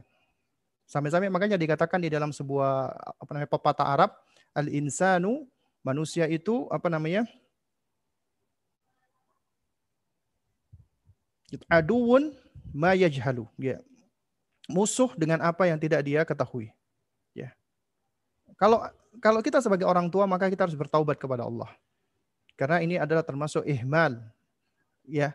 Artinya mengabaikan pengabaian anak. Dan ini termasuk khianat. Mengkhianati amanat dari Allah Subhanahu wa taala. Tentunya termasuk dosa besar Ustaz, bagaimana uh, menjadikan anak penghafal Al-Quran dengan metode seperti apa, dimulai dari usia berapa? Pertama, ya mulai dari diri Anda sebagai orang tua. Meskipun Anda mungkin mungkin kita belum mampu untuk menjadi penghafal Quran, tapi tapi setidaknya kita menjadi pecinta Al-Quran. Kita senang dengan Al-Quran. Kita senang untuk mendengarkan Al-Quran. Kita senang untuk membaca Al-Quran. Kita senang untuk mempelajari Al-Quran. Itu itu dulu. Awali dari diri kita. Ya, jangan sampai kita cuma pengen anak kita sedangkan kita lalai dari Al-Qur'an. Kemudian yang kedua, ya, dengan cara kita sering-sering ya memperdengarkan Al-Qur'an dari semenjak mereka lahir, ya. Mentasmi. Karena Al-Qur'an itu Masya Allah. Itu luar biasa manfaatnya. Karena apabila dia masuk ke dalam pendengaran, apalagi anak-anak yang masih fitrah, insya Allah dia akan e, merasuk ke dalam sanubarinya dan akan membentuk ta'alluq. Hatinya akan akan bertaut dengan Al-Quran tadi. Karena Al-Quran kalamullah. Kemudian yang ketiga, didik dia untuk mencintai Allah. Untuk supaya dia, dia bisa mencintai Allah, maka ajarkan dia untuk mengenal Allah. Mengenal Allah ini berarti ya adalah kita mengajarkan mereka dari dua hal. Pertama dari ciptaan Allah, yaitu dari alam, ya. Dan kedua kita ajarkan mereka dari yaitu apa? Dari ayat-ayat kauliyah. Tadi ayat kauniyah ini ayat kauliyah. Itu dari Al-Quran dan dari sunnah Nabi yang mulia alaihi wassalam. Ya. Karena dengan ya menjadikan mereka, mendidik mereka untuk mencintai Allah pertama kali, maka mereka akan mencintai Al-Quran. Dan ketika sudah cinta dengan Al-Quran, maka mereka akan senang untuk berinteraksi dengan Al-Quran. Sehingga ketika mereka dididik untuk menghafal Al-Quran, mereka senang mencintai Al-Quran. Dan mereka melakukan dengan penuh penuh kesenangan hati bukan karena terpaksa-paksa, bukan karena dipaksa-paksa. Karena biasanya yang dipaksa-paksa ini jika tidak mendapatkan hidayah dari Allah, biasanya anak akan semakin menjauh dari apa yang dipaksakan padanya. Dan kemudian juga nggak boleh menggegas mereka. Dan tidak usah kita terlalu melihat target banyak-banyakan hafalan. Jangan. Tapi kita lihat pengaruh Al-Quran itu kepada anak kita. Ya, pengaruhnya terhadap akidahnya, pengaruhnya terhadap akhlaknya, pengaruhnya terhadap uh, pemahamannya. itu lebih baik daripada banyak-banyak kan uh, hafal Al-Qur'an tapi ya akhlaknya tidak apa tersentuh, ya adabnya juga kurang baik ya dan seterusnya. Ustaz, bagaimana menyikapi anak 11 tahun yang mulai coba-coba berbohong jika diperintahkan sholat? Berkata sudah tapi tidak ada tanda sudah wudhu. Pendekatan apa yang harus dilakukan oleh orang tua? Yang pertama, ya tentunya kita nggak bisa lepas ya. Ya, mungkin banyak dari orang tua ini ini bukan kesalahan saya Ustaz. Ya. Kita hilangkan dulu ya yang ego-ego seperti itu. Anak melakukan seperti ini kemaksiatan termasuk berbohong itu nggak lepas dari orang tuanya. Dari kita sendiri. Karena itu yang kita lakukan adalah kita harus banyak-banyak memohon ampun kepada Allah, istighfar kepada Allah. Karena banyak ya nukilan-nukilan dari para salaf ya, itu kemaksiatan yang kita lakukan dilakukan oleh orang tuanya itu biasanya juga akan akan menimpa dampaknya pada keluarganya. Lalu kemudian yang kedua, kita evaluasi cara pendidikan kita. Cara kita berkomunikasi sama anak kita. Ya. Cara kita mendidik anak kita. Khususnya mendidik sholat. Karena ternyata ketika mendidik sholat, itu banyak di antara kita yang keliru. Tidak hikmah. Dan tidak ya mendidik mereka agar mencintai sholat terlebih dahulu, tapi kita sudah memaksa mereka untuk sholat. Makanya fase sebelum tujuh tahun, Nabi memerintahkan anak sholat usia berapa? Tujuh tahun. Muru abna akum bis sholati wahum abna usah isinin. Perintahkan anakmu untuk sholat di usia tujuh tahun. Tujuh tahun. Masa sebelum tujuh tahun itu adalah masa preparasi. Persiapan mereka agar mereka siap untuk sholat. Yaitu apa? Dididik hatinya agar mencintai Allah, mencintai Rasulullah, mencintai Al-Quran, termasuk mencintai, mencintai sholat. Jelaskan tentang makna daripada sholat dan seterusnya. Karena apabila mereka sudah cinta dengan sholat, maka nggak perlu disuruh. Karena itu ada anak-anak tentang masalah sholat, mereka ketika datang waktu sholat, mereka sholat. Tapi ternyata karena takut sama orang tuanya. Kalau nggak sholat, dimarahin sama orang tuanya. Orang tuanya nggak ada, mereka nggak sholat. Atau yang kedua, ada orang tua ya yang membiasakan anaknya, tapi ternyata jarang berkomunikasi baik. Ya, hampir nggak pernah menjelaskan tentang masalah hakikat daripada sholat. Akhirnya sholat menjadi kebiasaan. Alhamdulillah, baik. Tapi Ketika sholat cuma menjadi kebiasaan, dia nggak tahu hakikat daripada sholat, maka jangan heran kalau sholatnya tidak memberikan pengaruh terhadap kesehariannya. Makanya betapa banyak orang yang melakukan sholat tapi ternyata masih suka bohong, suka bermaksiat, dan yang semisalnya. Karena dia nggak ngerti hakikat daripada sholat. Yang ketiga adalah anak-anak yang dia tahu, dia senang karena sholat itu adalah cara dia berbicara sama Allah. Dia cinta sama Tuhannya, dia pengen ngomong sama Tuhannya dengan cara sholat. Dia tahu sholat ini adalah adalah karunia Allah yang paling besar karena ketika sholat dia akan berbicara dengan penciptanya. Alat komunikasi dia untuk berbicara dengan Allah Subhanahu wa taala. Nah, kemudian anak ini berbohong, maka kita sebagai orang tua harus evaluasi kenapa dia berbohong, ya.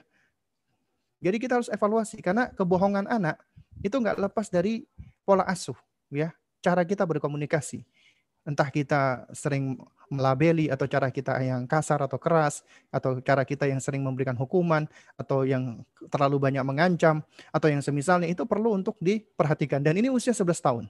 11 tahun sebenarnya ketika mereka tidak sholat, anak sudah boleh dipukul. Tapi sering kali orang tua keliru lagi. Ya, sudah langsung main pukul padahal ya mereka jarang membentuk ya atau memotivasi anaknya untuk sholat terlebih dahulu. Bayangkan Nabi itu Muru abna'akum ya. Perintahkan anakmu untuk sholat wahwa abna usabi isinin ketika usianya tujuh tahun. Wadribuhum alaiha wahum abna'u ashrin. Pukul. Ketika usianya berapa? Ketika usianya sudah sepuluh tahun. Jadi dari tujuh tahun ke sepuluh itu ada tiga tahun. Tiga tahun fase kita untuk membersamai mereka untuk ibadah, untuk sholat. Karena itu, ya jika Anda perhatikan ada anak Anda yang yang bohong, maka Anda evaluasi bagaimana pola asuh Anda, perbaiki caranya komunikasi, ya, caranya menyampaikan, caranya berbicara. Kemudian harus harus itu lagi, harus diulangi lagi berarti. Harus kita kita kita yang tadinya belum kita sampaikan yaitu kita harus sampaikan kembali tentang masalah dia harus mencintai penciptanya, mencintai Allah dan dan dan ini memang butuh ilmu, butuh kesabaran dan dan butuh teknik dan memang kita harus belajar terus ya dalam hal ini. Ya. Dan juga di antara yang di, diajarkan oleh Rasulullah SAW ya, dan ini juga ada ada riwayatnya ya, dan ini juga sempat apa namanya saya nukilkan juga waktu itu di akun Instagram saya. Nabi SAW apabila ada ahli baitnya, keluarga beliau yang yang melakukan perbuatan bohong, beliau diamkan. Ya, beliau diamkan sampai akhirnya dia sendiri uh, bertaubat. Tapi tentunya untuk mempraktekkan ini nggak nggak ada suatu hal yang tidak sembarangan gitu loh. Ya, karena kita harus melihat dulu kondisinya. Nabi ketika mendiamkan orang, artinya dia menghajar. Hajarnya Nabi itu adalah siksaan. Karena mereka mencintai Rasulullah. Mereka sayang dengan Nabi. Nabi cuek, mereka merasa tidak aman, apa? mereka merasa tidak nyaman, merasa gelisah. Ini orang kesayanganku, ini cuek, cuek sama aku. Nah, tapi beda kalau orang tuanya itu orang tua yang keras. Ketika orang tuanya cuek, anaknya malah semakin senang, ya, karena dia tidak merasa merasa apa ya sayang dengan orang tuanya. Maksudnya dia tidak merasa ya orang tuanya adalah adalah orang yang dia senang untuk untuk dia berinteraksi dengannya gitu loh. Nah, oleh karena itu makanya kita harus harus harus perhatikan dan jangan sampai kita salah kaprah ya dalam hal ini.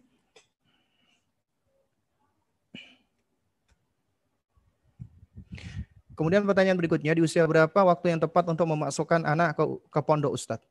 Ya, Allah alam bisawab ya. Kalau saya pribadi adalah ketika mereka sudah mandiri dan juga ketika usia mereka setidaknya sudah usia balik. Yaitu ketika mereka sudah usia balik maka ini adalah usia mereka sudah boleh untuk mandiri dan mereka tinggal sendiri khususnya laki-laki ya, khususnya anak laki-laki ya. Adapun kalau usianya masih usia kanak-kanak, tufula, bahkan termasuk mumayyiz 7 tahun ataupun juga 10 tahun, mereka masih butuh untuk berinteraksi dengan orang tuanya, mereka masih butuh untuk apa ya, untuk uh, ber, bermuamalat dengan orang tuanya, berhubungan sama orang tuanya, maka ya lebih baik adalah dia tidak atau belum dipondokkan dengan dengan sistem boarding ya. Artinya dia tinggal tidak bersama orang tuanya. Wallahu wallahu a'lam Bagaimana mendidik anak laki-laki tanpa ikut campur lebih dari bapaknya? Ya tentunya ini adalah akan ada ketimpangan ya. Karena yang namanya pendidikan itu harus melibatkan bapak dan ibunya. Enggak enggak boleh cuma ibunya doang. Harus bapak dan ibunya. Ya, anak itu amanat berdua, bukan amanat satu orang. Toh yang bikin ya, mohon maaf ya. Ya. Itu juga berdua. Akhirnya Allah karuniakan di situ amanat yaitu berupa anak sehingga menjadi tanggung jawab keduanya. Jadi nggak boleh cuman cuman dari satu pihak saja. Berarti di situ ada orang-orang yang ada pihak yang tidak mau melaksanakan tanggung jawabnya dan ini termasuk khianat ya. Apalagi kalau itu seorang laki-laki. Karena laki-laki itu adalah penanggung jawabnya. Laki-laki adalah koam, apa namanya pemimpin. Tanggung jawabnya lebih besar. Dia bertanggung jawab terhadap anaknya dan bertanggung jawab terhadap istrinya. Istri tidak bertanggung jawab terhadap suaminya, tapi memang bertanggung jawab terhadap anak. Tapi suami bertanggung jawab terhadap anak dan suami. Ya, jika dia tidak mau ikut-ikutan, maka dia telah melakukan perbuatan pengabaian dan ini termasuk dosa besar. Ya, dan dan dia pun juga akan akan mendapatkan hasil daripada apa yang dia lakukan, yaitu anaknya mungkin akan menjauh darinya, ya anaknya juga mungkin akan akan uh, tidak senang dengan dirinya. Ya ini adalah ya adalah bagian dari al jaza min jinsil amal. Balasan itu sesuai dengan jenis-jenis amalan. Dan ingat ketika ya doa, doanya anak-anak kita ya, warhamhuma kama apa? Rabbayani saghirah ya. Dan sayangilah kedua sebagaimana mereka berdua telah mendidik aku sewaktu aku masih kecil. Coba perhatikan. Ya, sebagaimana mereka berdua mendidik aku sewaktu aku masih kecil, maka sayangilah keduanya sesuai dengan hal tersebut. Artinya, kalau semakin benar, semakin baik cara kita mendidik mereka, maka akan semakin besar rahmat Allah, kasih sayang Allah kepada kita orang tua. Tapi kalau kita abai, tapi kalau kita ya nggak mau ikut-ikutan, nggak mau tercampur, kita anggap ini adalah urusan istrinya atau urusan istri atau urusan ibunya anak-anak, maka kita abai di situ. Kita nggak bertanggung jawab, ya. Maka ya Ketika anak kita mendoakan warhamhuma sayangi keduanya kama robbayani soghira sebagaimana keduanya itu mendidik aku kita akan mendapat sesuatu yang sangat kecil dibandingkan istri kita yang mendidik anak kita dengan begitu sepenuh hati. Ya, tentunya kita akan lebih banyak mendapatkan kerugian maksudnya dari sang bapak ini. Ustaz, bagaimana caranya menjelaskan kepada anak umur 8 tahun ya dia seorang ikhwan yang penakut dan cengeng. Nah, penakut dan cengeng itu adalah sifat yang terbentuk karena ada pencetusnya, ada stimulasinya. Seringkali adalah pola asuh. Entah ditakut-takuti atau entah dia uh, melihat sesuatu atau mendengar sesuatu ya misalnya um, seperti film-film atau cerita-cerita yang dia dengar ya atau dia cengeng juga sama. Ya itu itu juga mungkin karena dia ingin mendapatkan perhatian orang tuanya atau karena orang tuanya yang apa terlalu keras. Intinya ini adalah sifat yang muncul merupakan buah dari pola asuh. Karena itu kita jangan langsung melihat bagaimana caranya merubah anak kita. Jangan. Tapi lihat dulu apa penyebabnya. Kalau kita nggak nggak berusaha untuk mencari tahu penyebabnya, kemudian kita berusaha untuk merubah, itu akan kesulitan. Yang kita lakukan adalah kita cari tahu penyebabnya, kemudian kita evaluasi pola asuh kita, kita perbaiki diri kita, baru kemudian kita bisa memperbaiki anak kita. Itu yang harus kita lakukan. Ya. Jadi kalau Anda jelaskan, misalnya kamu gak usah takut ya, wah kamu gitu aja cengeng, itu malah tidak menyelesaikan masalah, dia malah ya tetap takutnya nggak hilang, kemudian dikasih label cengeng lagi. Wah itu jadi malah malah tidak baik ya. Jadi ini emang ada tahapan-tahapannya yang harus dilakukan, cuman dalam waktu yang singkat ini ya itu uh, tidak bisa kita jawab dengan detail ya. Nanti mungkin insya Allah di lain waktu. Saya punya adik yang masih usia 4 tahun. Dia terkadang sering membentak, bahkan teriak ketika tidak mau menuruti apa yang diperintahkan sama orang tuanya. Ini sifatnya anak-anak al-ainat. Bagi yang belajar tentang masalah ilmu, yulul atfal perkembangan anak, anak-anak seperti ini itu jangan dianggap ini anak yang kurang ajar, anak yang nggak tahu diri. Masih 4 tahun dia usianya, belum ngerti. Dan itu biasanya ada pencetus, ada penyebabnya. Bagaimana sikap yang harus anak ambil ketika anak mengetahui adik anak bersikap demikian? Ya bersabar. Kemudian kita alihkan ya dia ke aktivitas lainnya yang yang menyenangkan ya intinya dia itu butuh diperhatikan apalagi oleh orang tuanya tapi ini luar biasa yang yang tanya luar biasa yang tanya bukan orang tuanya tapi kakaknya ya jadi ini ya adalah di antara contoh kakak yang luar biasa ya apa namanya masya Allah kadang yang tanya bukan orang tuanya bukan ibunya bukan bapaknya jadi sang kakak ini ya sebenarnya tidak memiliki tanggung jawab sebesar seperti orang tuanya. Harusnya orang tuanya yang banyak belajar, orang tuanya yang banyak banyak apa namanya berusaha untuk memperbaiki dan seterusnya. Nah, tapi ini kakaknya yang ngaji, kakaknya yang belajar, kakaknya bisa melakukan pendekatan pendekatan ke adiknya dan pendekatan ke orang tuanya. Pendekatan ke orang tuanya, orang tuanya diajaklah untuk ngaji, untuk belajar. Adapun ke adiknya, ajak dia bermain. Ini usia mereka senang bermain, ya. Jadi kita ya usia empat tahun ini usia mereka sebenarnya fase mereka bermain sebenarnya. Ya. Kalau antum tahu Rasulullah SAW ya itu di dalam sebuah hadis ketika beliau membawa Al Hasan atau Al Husain ya ketika sholat ya kemudian ketika sujud itu beliau sujudnya lama banget sampai-sampai ya yang meriwayatkan hadis ini yang bernama apa namanya uh, apa syadat ya jadi syadat itu sampai mendongakkan kepalanya melihat ada apa. Eh, ternyata ada anak-anak yang sedang menaiki punggung Rasulullah ketika lagi lagi sujud. Kemudian akhirnya beliau kembali sujud. Setelah sholat para sahabat bertanya kepada Rasulullah, ya Rasulullah Anda tadi sholat begitu panjangnya sujud Anda, ya seakan-akan ada sesuatu yang terjadi dengan Anda atau ketika itu sedang turun wahyu. Apa jawaban Nabi? Ya kata Nabi, ya itu semua lam yakun dalika. Itu itu semua tidak terjadi kata Nabi. Ya. Akan tetapi ya anakku ini, cucuku ini irtahalani. Kata Nabi, irtahalani itu kata para ulama adalah menjadikan aku tunggangan, menaiki punggungku dan aku dijadikan tunggangan. Jadi mainan kuda-kudaan ketika sujud, ya. Dan kemudian perhatikan kata Nabi SAW.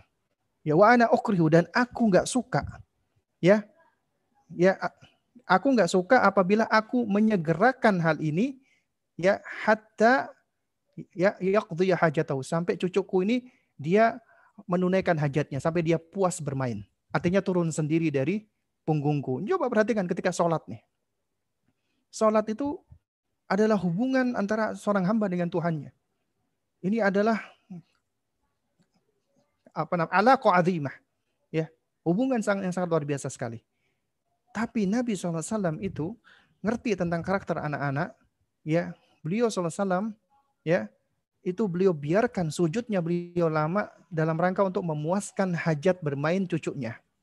Demikian pula anak kita. Anak kita itu ketika dia teriak-teriak itu sebenarnya bukan karena dia kurang ajar. Dia belum tamis, belum ngerti yang mana yang baik dan mana yang tidak. Dia itu cuma menyerap apa yang ada di sekelilingnya. Dia sedang belajar untuk mengenal dirinya. Dia sedang belajar untuk untuk apa namanya untuk memahami emosinya. Ya, kalau lingkungan sekitarnya tidak mendukung pendidikan dia tentang hal ini, maka dia akan akan lakukan itu dengan contoh-contoh yang jelek atau dia akan akan apa? akan berimprovisasi sendiri di situ. Ya, misalnya dia akan teriak-teriak, dia akan marah-marah, ya. Padahal sebenarnya kalau kita perlakukan dengan cara yang baik ya, insya Allah dia akan bisa berubah. Ya Allah Ustadz, bagaimana mengenalkan sholat kepada anak di usia tujuh tahun? Mengenalkannya sebelumnya, eh, sebenarnya sebelum usia tujuh tahun. Ya, tujuh tahun baru diperintah lebih intens lagi untuk sholat. Dan ketika Nabi mengatakan muru abna'akum bis sholat, perintahkanlah anakmu untuk sholat, itu kata para ulama adalah ya, yaitu apa? Yaitu ya uh, mutlaqos sholat, bukan as-sholatu mutlaqah. Apa maknanya? Ya, kalau al-mutlaqah, ya kalau as-sholah al-mutlaqah, artinya dia cuma sekedar sholat saja. Ya, kita perintahkan dia sholat, sholat udah selesai. Tapi kalau mutlaqah sholah, artinya kita didik mereka agar sholatnya itu baik dan benar. Terpenuhi syarat-syaratnya, terpenuhi kewajiban-kewajibannya, terpenuhi sunnah-sunnahnya. Kita tahu misalnya sholat itu di antara syaratnya harus harus apa menutup aurat. Artinya kita ajarkan dia tentang batasan-batasan aurat ya laki-laki seperti ini, perempuan seperti ini itu harus sudah detail lagi. Kemudian juga di antara syaratnya sholat adalah harus suci. Berarti kita ajarkan bab toharo di situ. Bab bersuci, cara berwudu, termasuk bagaimana cara mandi janabat meskipun dia mungkin masih belum junub. Itu sudah diajarkan tentang poin-poin seperti ini. Kemudian juga diajarkan tentang ya sholat apa tentang sholat bacaannya dan seterusnya itu dengan lebih detail lagi di usia tujuh tahun dengan cara kita motivasi memperkenalkannya di sebelum apa sebelum usia tujuh tahun ya dan untuk menjadikan mereka cinta dengan sholat maka ini kembalinya adalah mengajarkan mereka tentang tauhid tentang akidah ya jadi kita ajarkan mereka tentang masalah tauhid ya kita kenalkan dia dengan penciptanya di antaranya kita kenalkan dengan karunia-karunia yang Allah berikan kepada dirinya ya untuk membentuk rasa syukurnya dia kepada Allah sehingga dia akan sayang dan cinta kepada Allah. Ya, dan ini memang butuh bahasan lagi. Ustadz, suami saya mualaf, nama tengahnya ada nama Yohanes. Bagaimana menurut pandangan Ustadz? Ya, jadi sebenarnya ya, apakah wajib untuk diubah? Kalau dikatakan wajib atau tidak, wallah alam yang saya pahami tidak wajib ya. Ya, tapi kalau dia mau merubahnya dengan nama yang islami, Yohanes menjadi Yunus, tentunya ini adalah suatu hal yang baik. Karena Yohanes sebenarnya Yunus. Dan ini adalah hanya kembali kepada urf, urf dari dari bahasa ya. Kayak misalnya Yahya menjadi John ya. Nah, tapi tentunya karena kita muslim dan kita tinggal di daerah timur ya dan kemudian kita juga tahu tentang bahasa Arab, hendaknya kita kembalikan ke bahasa Arab. Ya, kalau ditanya tentunya lebih baik, lebih utama diganti namanya. Tapi kalau tidak diganti, wallah alam, setahu saya tidak berdosa. Karena namanya tidak mengandung perkara kemaksiatan. Kalau misalnya, ataupun perkara kekufuran. Kalau misalnya namanya mengandung hal tersebut, maka hendaknya diganti. Kalau dikatakan, Ustaz, bukankah tasyabbu alal kufar, menyerupai orang-orang kafir, ya dia sebelumnya orang kafir, kemudian dia masuk Islam, ya. Ya kemudian dia dia masuk Islam. Dan nama-nama kayak Yohanes dan lain sebagainya itu memang nama-nama yang tersebut di dalam kitab-kitab suci mereka ya. Tapi ini sebenarnya karena masalah talafut saja masalah lafal saja Yunus menjadi Yohanes ya. Ya oleh karena itu makanya lebih baik diganti meskipun tidak diganti juga tidak mengapa Allah alam Ustaz, bagaimana menjelaskan kepada anak agar anak tidak takut kepada hantu? Syukron. Pertama, jangan takut-takuti anak sama hantu. Yang kedua, jangan dia diberikan tontonan-tontonan tentang perkara hantu. Yang ketiga, ya, yaitu ya itu tadi tumbuhkan masalah akidah ini yang poin pertama seharusnya. Akidah yang benar kepada Allah, ya.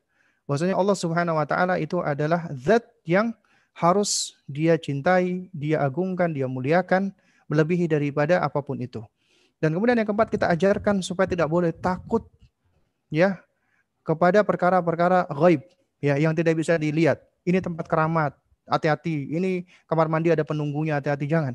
Nggak boleh kita takut-takuti seperti itu. Bahkan sebagian ulama menyebutkan yang namanya apa namanya uh, apa nama khaufus sir ya takut dengan perkara-perkara yang sir yang tidak bisa diindra tidak bisa dilihat itu bahkan dikategorikan sebagai kesyirikan.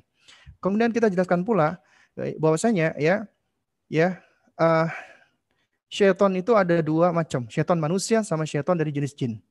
Ya, kedua-duanya sama-sama tujuannya ingin menjauhkan manusia dari Allah, dari jalan Allah, baik dari manusia ataupun jin. Dan yang lebih berbahaya adalah syaitan dari jenis manusia. Adapun syaitan dari jenis jin itu kenapa kau tidak lebih Kenapa kau dikatakan lebih berbahaya dari jenis manusia? Karena kalau kita bacakan ayat kursi, setan dari jenis jin ini dia akan apa ketakutan karena Al-Qur'an itu sangat berdampak besar ya terhadap jin tapi tidak terhadap manusia kecuali apabila Allah berikan hidayah dia akhirnya taubat kepada Allah. Kemudian jelaskan pula bahwa syaitan itu adalah musuh kita yang nyata tapi lemah ya. Artinya tipu dayanya syaitan itu adalah tipu daya yang lemah. Ya, nyata tapi lemah. Ya. Jadi kemudian kita jelaskan pula bahwasanya Allah Maha Kuat. Ya, syaitan itu lemah. Jadi hendaknya kita minta tolongnya sama Allah Subhanahu wa taala dan gak usah takut sama syaitan karena kita punya Allah. Kemudian ajarkan muraqabah, merasa diawasi Allah Subhanahu wa taala. Caranya dengan kita mengajarkan anak sejumlah ya asmaul husna dan sifat-sifatnya. Allah al-basir, Allah Maha melihat. Apa pun itu Allah lihat, nggak ada satupun yang apa namanya yang lewat dari penglihatan Allah. Allah Maha mendengar, apa pun pasti Allah dengar. Allah Maha tahu, Allah tahu semuanya. Allah Maha menjaga. Allah pasti akan menjaga kita. Itu harus sudah diajarkan mulai dari semenjak usia din, apa dini mereka. Ajarkan muraqabah. Ini metodenya Luqman alaihissalam. Ya. Taib ya ini masih ada dua menit sebelum setengah sepuluh ya. Insya Allah kita akan tutup ya. Ustaz, bagaimana cara mendidik dan mengatasi anak usia lima tahun yang mulai sering jenuh untuk tilawah dan menghafal Al-Quran? Ya saatan-saatan. Ketika dia jenuh, dia capek, biarkan dulu. Ya, kita ajak dia bermain, kita liburkan dulu, sembari kita motivasi-motivasi, akhirnya muncul mubadarah ya, ini inisiatif dari dirinya, akhirnya kita belajar lagi. Atau juga boleh kita lakukan reward and punishment. Ya, cuman punishmentnya tidak begitu kita munculkan ya. Artinya kita memotivasi dia dengan hadiah-hadiah, reward-reward dan itu berupa fisik boleh ya.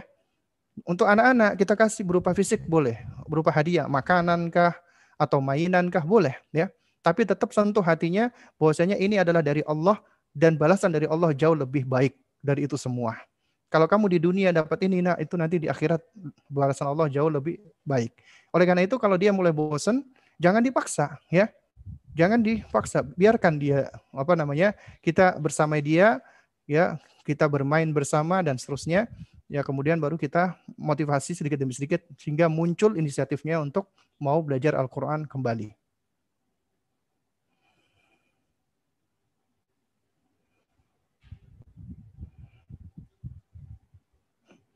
Ustaz, Qadarullah anak-anak ADHD, tapi anak sekolahkan di SDIT. Anak-anak agak sulit mengikuti. Kalau pelajaran umum, anda tidak berharap banyak dia dia akan ber, berprestasi, tapi pelajaran agama dan hafalan anak-anak juga agak bisa konsentrasi. Apa yang harus Anda lakukan Ustadz? Terkadang Anda jadi patah semangat karena Anda ingin anak-Anda dapat membantu Anda di akhirat kelak. Ya ketahuilah ya bahwasanya anak ADHD ya ini memang ya adalah salah satu ya mungkin menurut anggapan kita adalah kekurangan pada pada anak kita. Tapi di sisi lain itu ada kelebihan. Dan setahu saya anak ADHD, meskipun tingkat konsentrasinya rendah, dia memiliki kecerdasan yang di atas rata-rata. Karena kenapa? Karena saya punya pengalaman dengan sejumlah anak-anak ADHD termasuk ada ya uh, sepupu-sepupu saya sama keponakan-keponakan saya. Dan ada di antara mereka alhamdulillah menjadi uh, penghafal Al-Qur'anul Karim. Ya.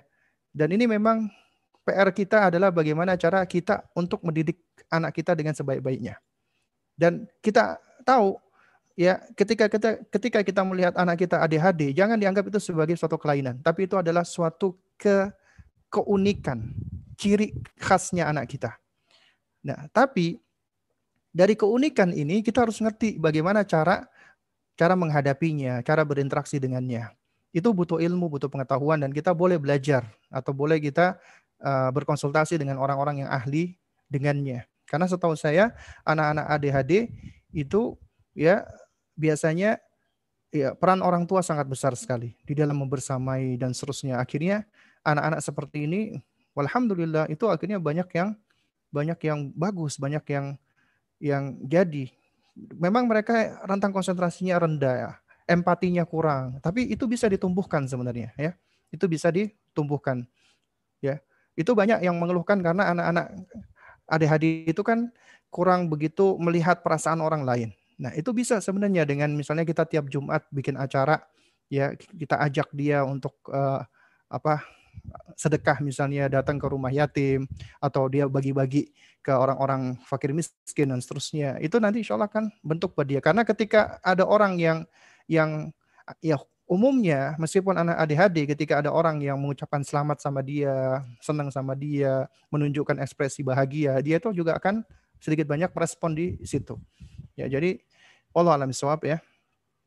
Dan kalau misalnya dia kesulitan untuk uh, meng, apa untuk mengikuti pelajaran di SDIT atau bahkan malah misalnya sampai buat masalah, maka sesungguhnya ya uh, anak itu ya misalnya kita didik sendiri homeschooling atau kita carikan sekolah yang lain yang mungkin sekolahnya bisa lebih fokus untuk melihat uh, anak masing-masing ya karena kita nggak bisa pungkiri ya sekolah-sekolah itu dengan banyaknya murid guru nggak bisa hanya fokus ke satu orang ya. Padahal idealnya guru harus ngerti tentang masing-masing murid-muridnya. Dan itu adalah sekolahan yang yang baik itu sebenarnya seperti itu. Allah alam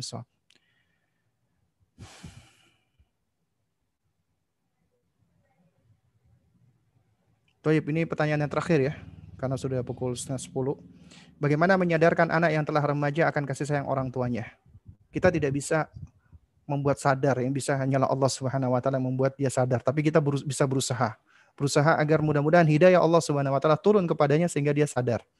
Ustadz mengatakan tadi tujuh tahun ketiga, jadikan anak sebagai teman. Bagaimana jika si anak menjauh orang tuanya, tidak mau bepergian bersama orang tuanya dan adiknya, jarang bercerita dengan orang tuanya? Berarti ada masalah komunikasi di situ. Bagaimana caranya? Ya, ya caranya singkatnya yang ingin saya sampaikan di sini pertama, ini nggak lepas dari kesalahan kita sebagai orang tua. Dia amanat kita dari Allah Subhanahu wa taala. Kalau dia seperti itu berarti memang ada salah dari kita. Kalau kita salah berarti kita harus bertaubat, minta maaf. Pertama kali kita minta maafnya kepada Allah, bertobat dulu kepada Allah dengan taubat yang sebenar-benarnya. Kemudian yang kedua kita minta tolong sama Allah Subhanahu wa taala untuk menguatkan kita dan memberikan hidayah buat anak kita tadi. Kemudian yang ketiga, kita perbaiki komunikasi kita dengan anak kita dengan apa caranya? Awali dengan minta maaf dulu kepada dia. Minta maaf dulu. Panggil dia, sampaikan dengan jujur, ayah atau abi atau umi ingin ngomong sama kamu sebentar saja. Dia mungkin merasa tidak nyaman karena memang tidak ada komunikasi yang baik. Tapi tetap kita harus berusaha untuk itu tadi, membentuk kenyamanan dan semua ada barrier-barrier kita coba runtuhkan. Dan barrier pertama adalah kita kita kita rubuhkan dulu ego kita sebagai orang tua. Ya, karena kita mau mau jadikan dia seperti sahabat. Ya. Karena itu kita ajak dia duduk bareng. Oleh karena itu kita pertama kali awali dengan minta maaf dengan kejujuran hati. Dan ini ya jamaah sekalian itu ada ada sejumlah orang tua yang ketika dia melaksanakan hal ini ya nasihat ini. Kemudian ada yang japri saya ada yang nelpon saya itu masya Allah alhamdulillah ya. Itu sudah mulai baik hubungannya. Karena apa? Karena memang sering kali yang menjadi masalah itu adalah ego. Anak punya ego orang tua punya ego. Itu diruntuhkan dulu. Dan orang tua apabila dia mau untuk menurunkan egonya dia minta maaf dulu. Dia ngomong ucapan dari hatinya dia itu akan mudah masuk ke dalam hati. Ketika dia bicara dari hati dia akan akan keluar dengan permohonan maaf yang tulus. Permohonan maaf yang tulus itu akan lebih mudah dipahami. Anak mungkin nggak akan merespon, mungkin beda-beda. Tapi dia tahu dia punya fitrah di dalam dirinya. Dia bisa membedakan orang tuanya yang cuma sekedar ngomong, cuma sekedar melabeli sekarang beda di situ loh. Nah, ketika dia minta maaf dengan apa dengan permintaan maaf yang sebenar-benarnya, ucapan dari hati insya Allah akan menghujam ke dalam hatinya. Lalu kemudian kita berusaha untuk tidak banyak memberi label sama dia. Intinya, nak, Abi sama Umi selama ini kalau banyak melakukan salah sama kamu dan selama ini memang Abi sama Umi banyak melakukan salah sama kamu. Ya, Abi sama Umi kurang memperhatikan kamu sehingga kamu akhirnya menjauh sama Abi sama Umi. Padahal ya Abi sama Umi pengen banget ya bisa ngobrol sama kamu, bisa karena kita sebutkan apa yang ada di dalam hati kita ya harapan-harapan kita dengan dia gitu loh. Cuma jangan harapan yang muluk-muluk ya, yang malah membuat dia menjadi stres tidak. Harapan intinya ya kita percaya sama dia apa pun kondisinya, apa pun keadaannya, kita percaya sama dia, kita akui dirinya meskipun dia bukan orang yang uh, kita inginkan secara duniawi, tapi kita inginkan dia ya, dia adalah anak yang minimal bisa mendoakan orang tuanya, bisa uh, selalu hadir, bisa komunikasi, bisa bicara. Intinya seperti itu. Ya insya Allah dengan izin Allah, kalau itu mulai pelan-pelan kebuka, bicara dari hati ke hati insya Allah, ya apa namanya, Allah akan apa namanya perbaiki. Baru kita sudah bisa ngajak dia misalnya ngaji bareng, belajar bareng. Ya kita kita lakukan dia seperti kawan ataupun apa namanya teman. Itu insya Allah jauh lebih efektif daripada kita tetap masih menganggap dia seperti anak kecil yang kita suruh-suruh, kita labeli, kita marahi. Allah taala alam suap. Ya, baik. Mungkin ini yang dapat saya sampaikan. Kurang lebihnya saya mohon maaf jika ada perkara-perkara yang kurang berkenan atau kata-kata yang menyinggung hati. Yang hak datangnya dari Allah, yang batil datangnya dari diri saya pribadi. Kita tutup dengan kafaratul majelis. Subhanakallahumma wa bihamdik. Asyhadu an la ilaha illa anta astaghfiruka wa atubu ilaik. Wassalamualaikum warahmatullahi wabarakatuh. Waalaikumsalam warahmatullahi wabarakatuh. Kami jazakumullah khairan kepada Ustaz untuk materi pada malam hari ini. Dan semoga ini menjadi motivasi untuk kita semua selaku orang tua dalam mendidik anak. Kita kecukupan kajian kita pada malam hari ini. Kita akhiri dengan Assalamualaikum warahmatullahi wabarakatuh.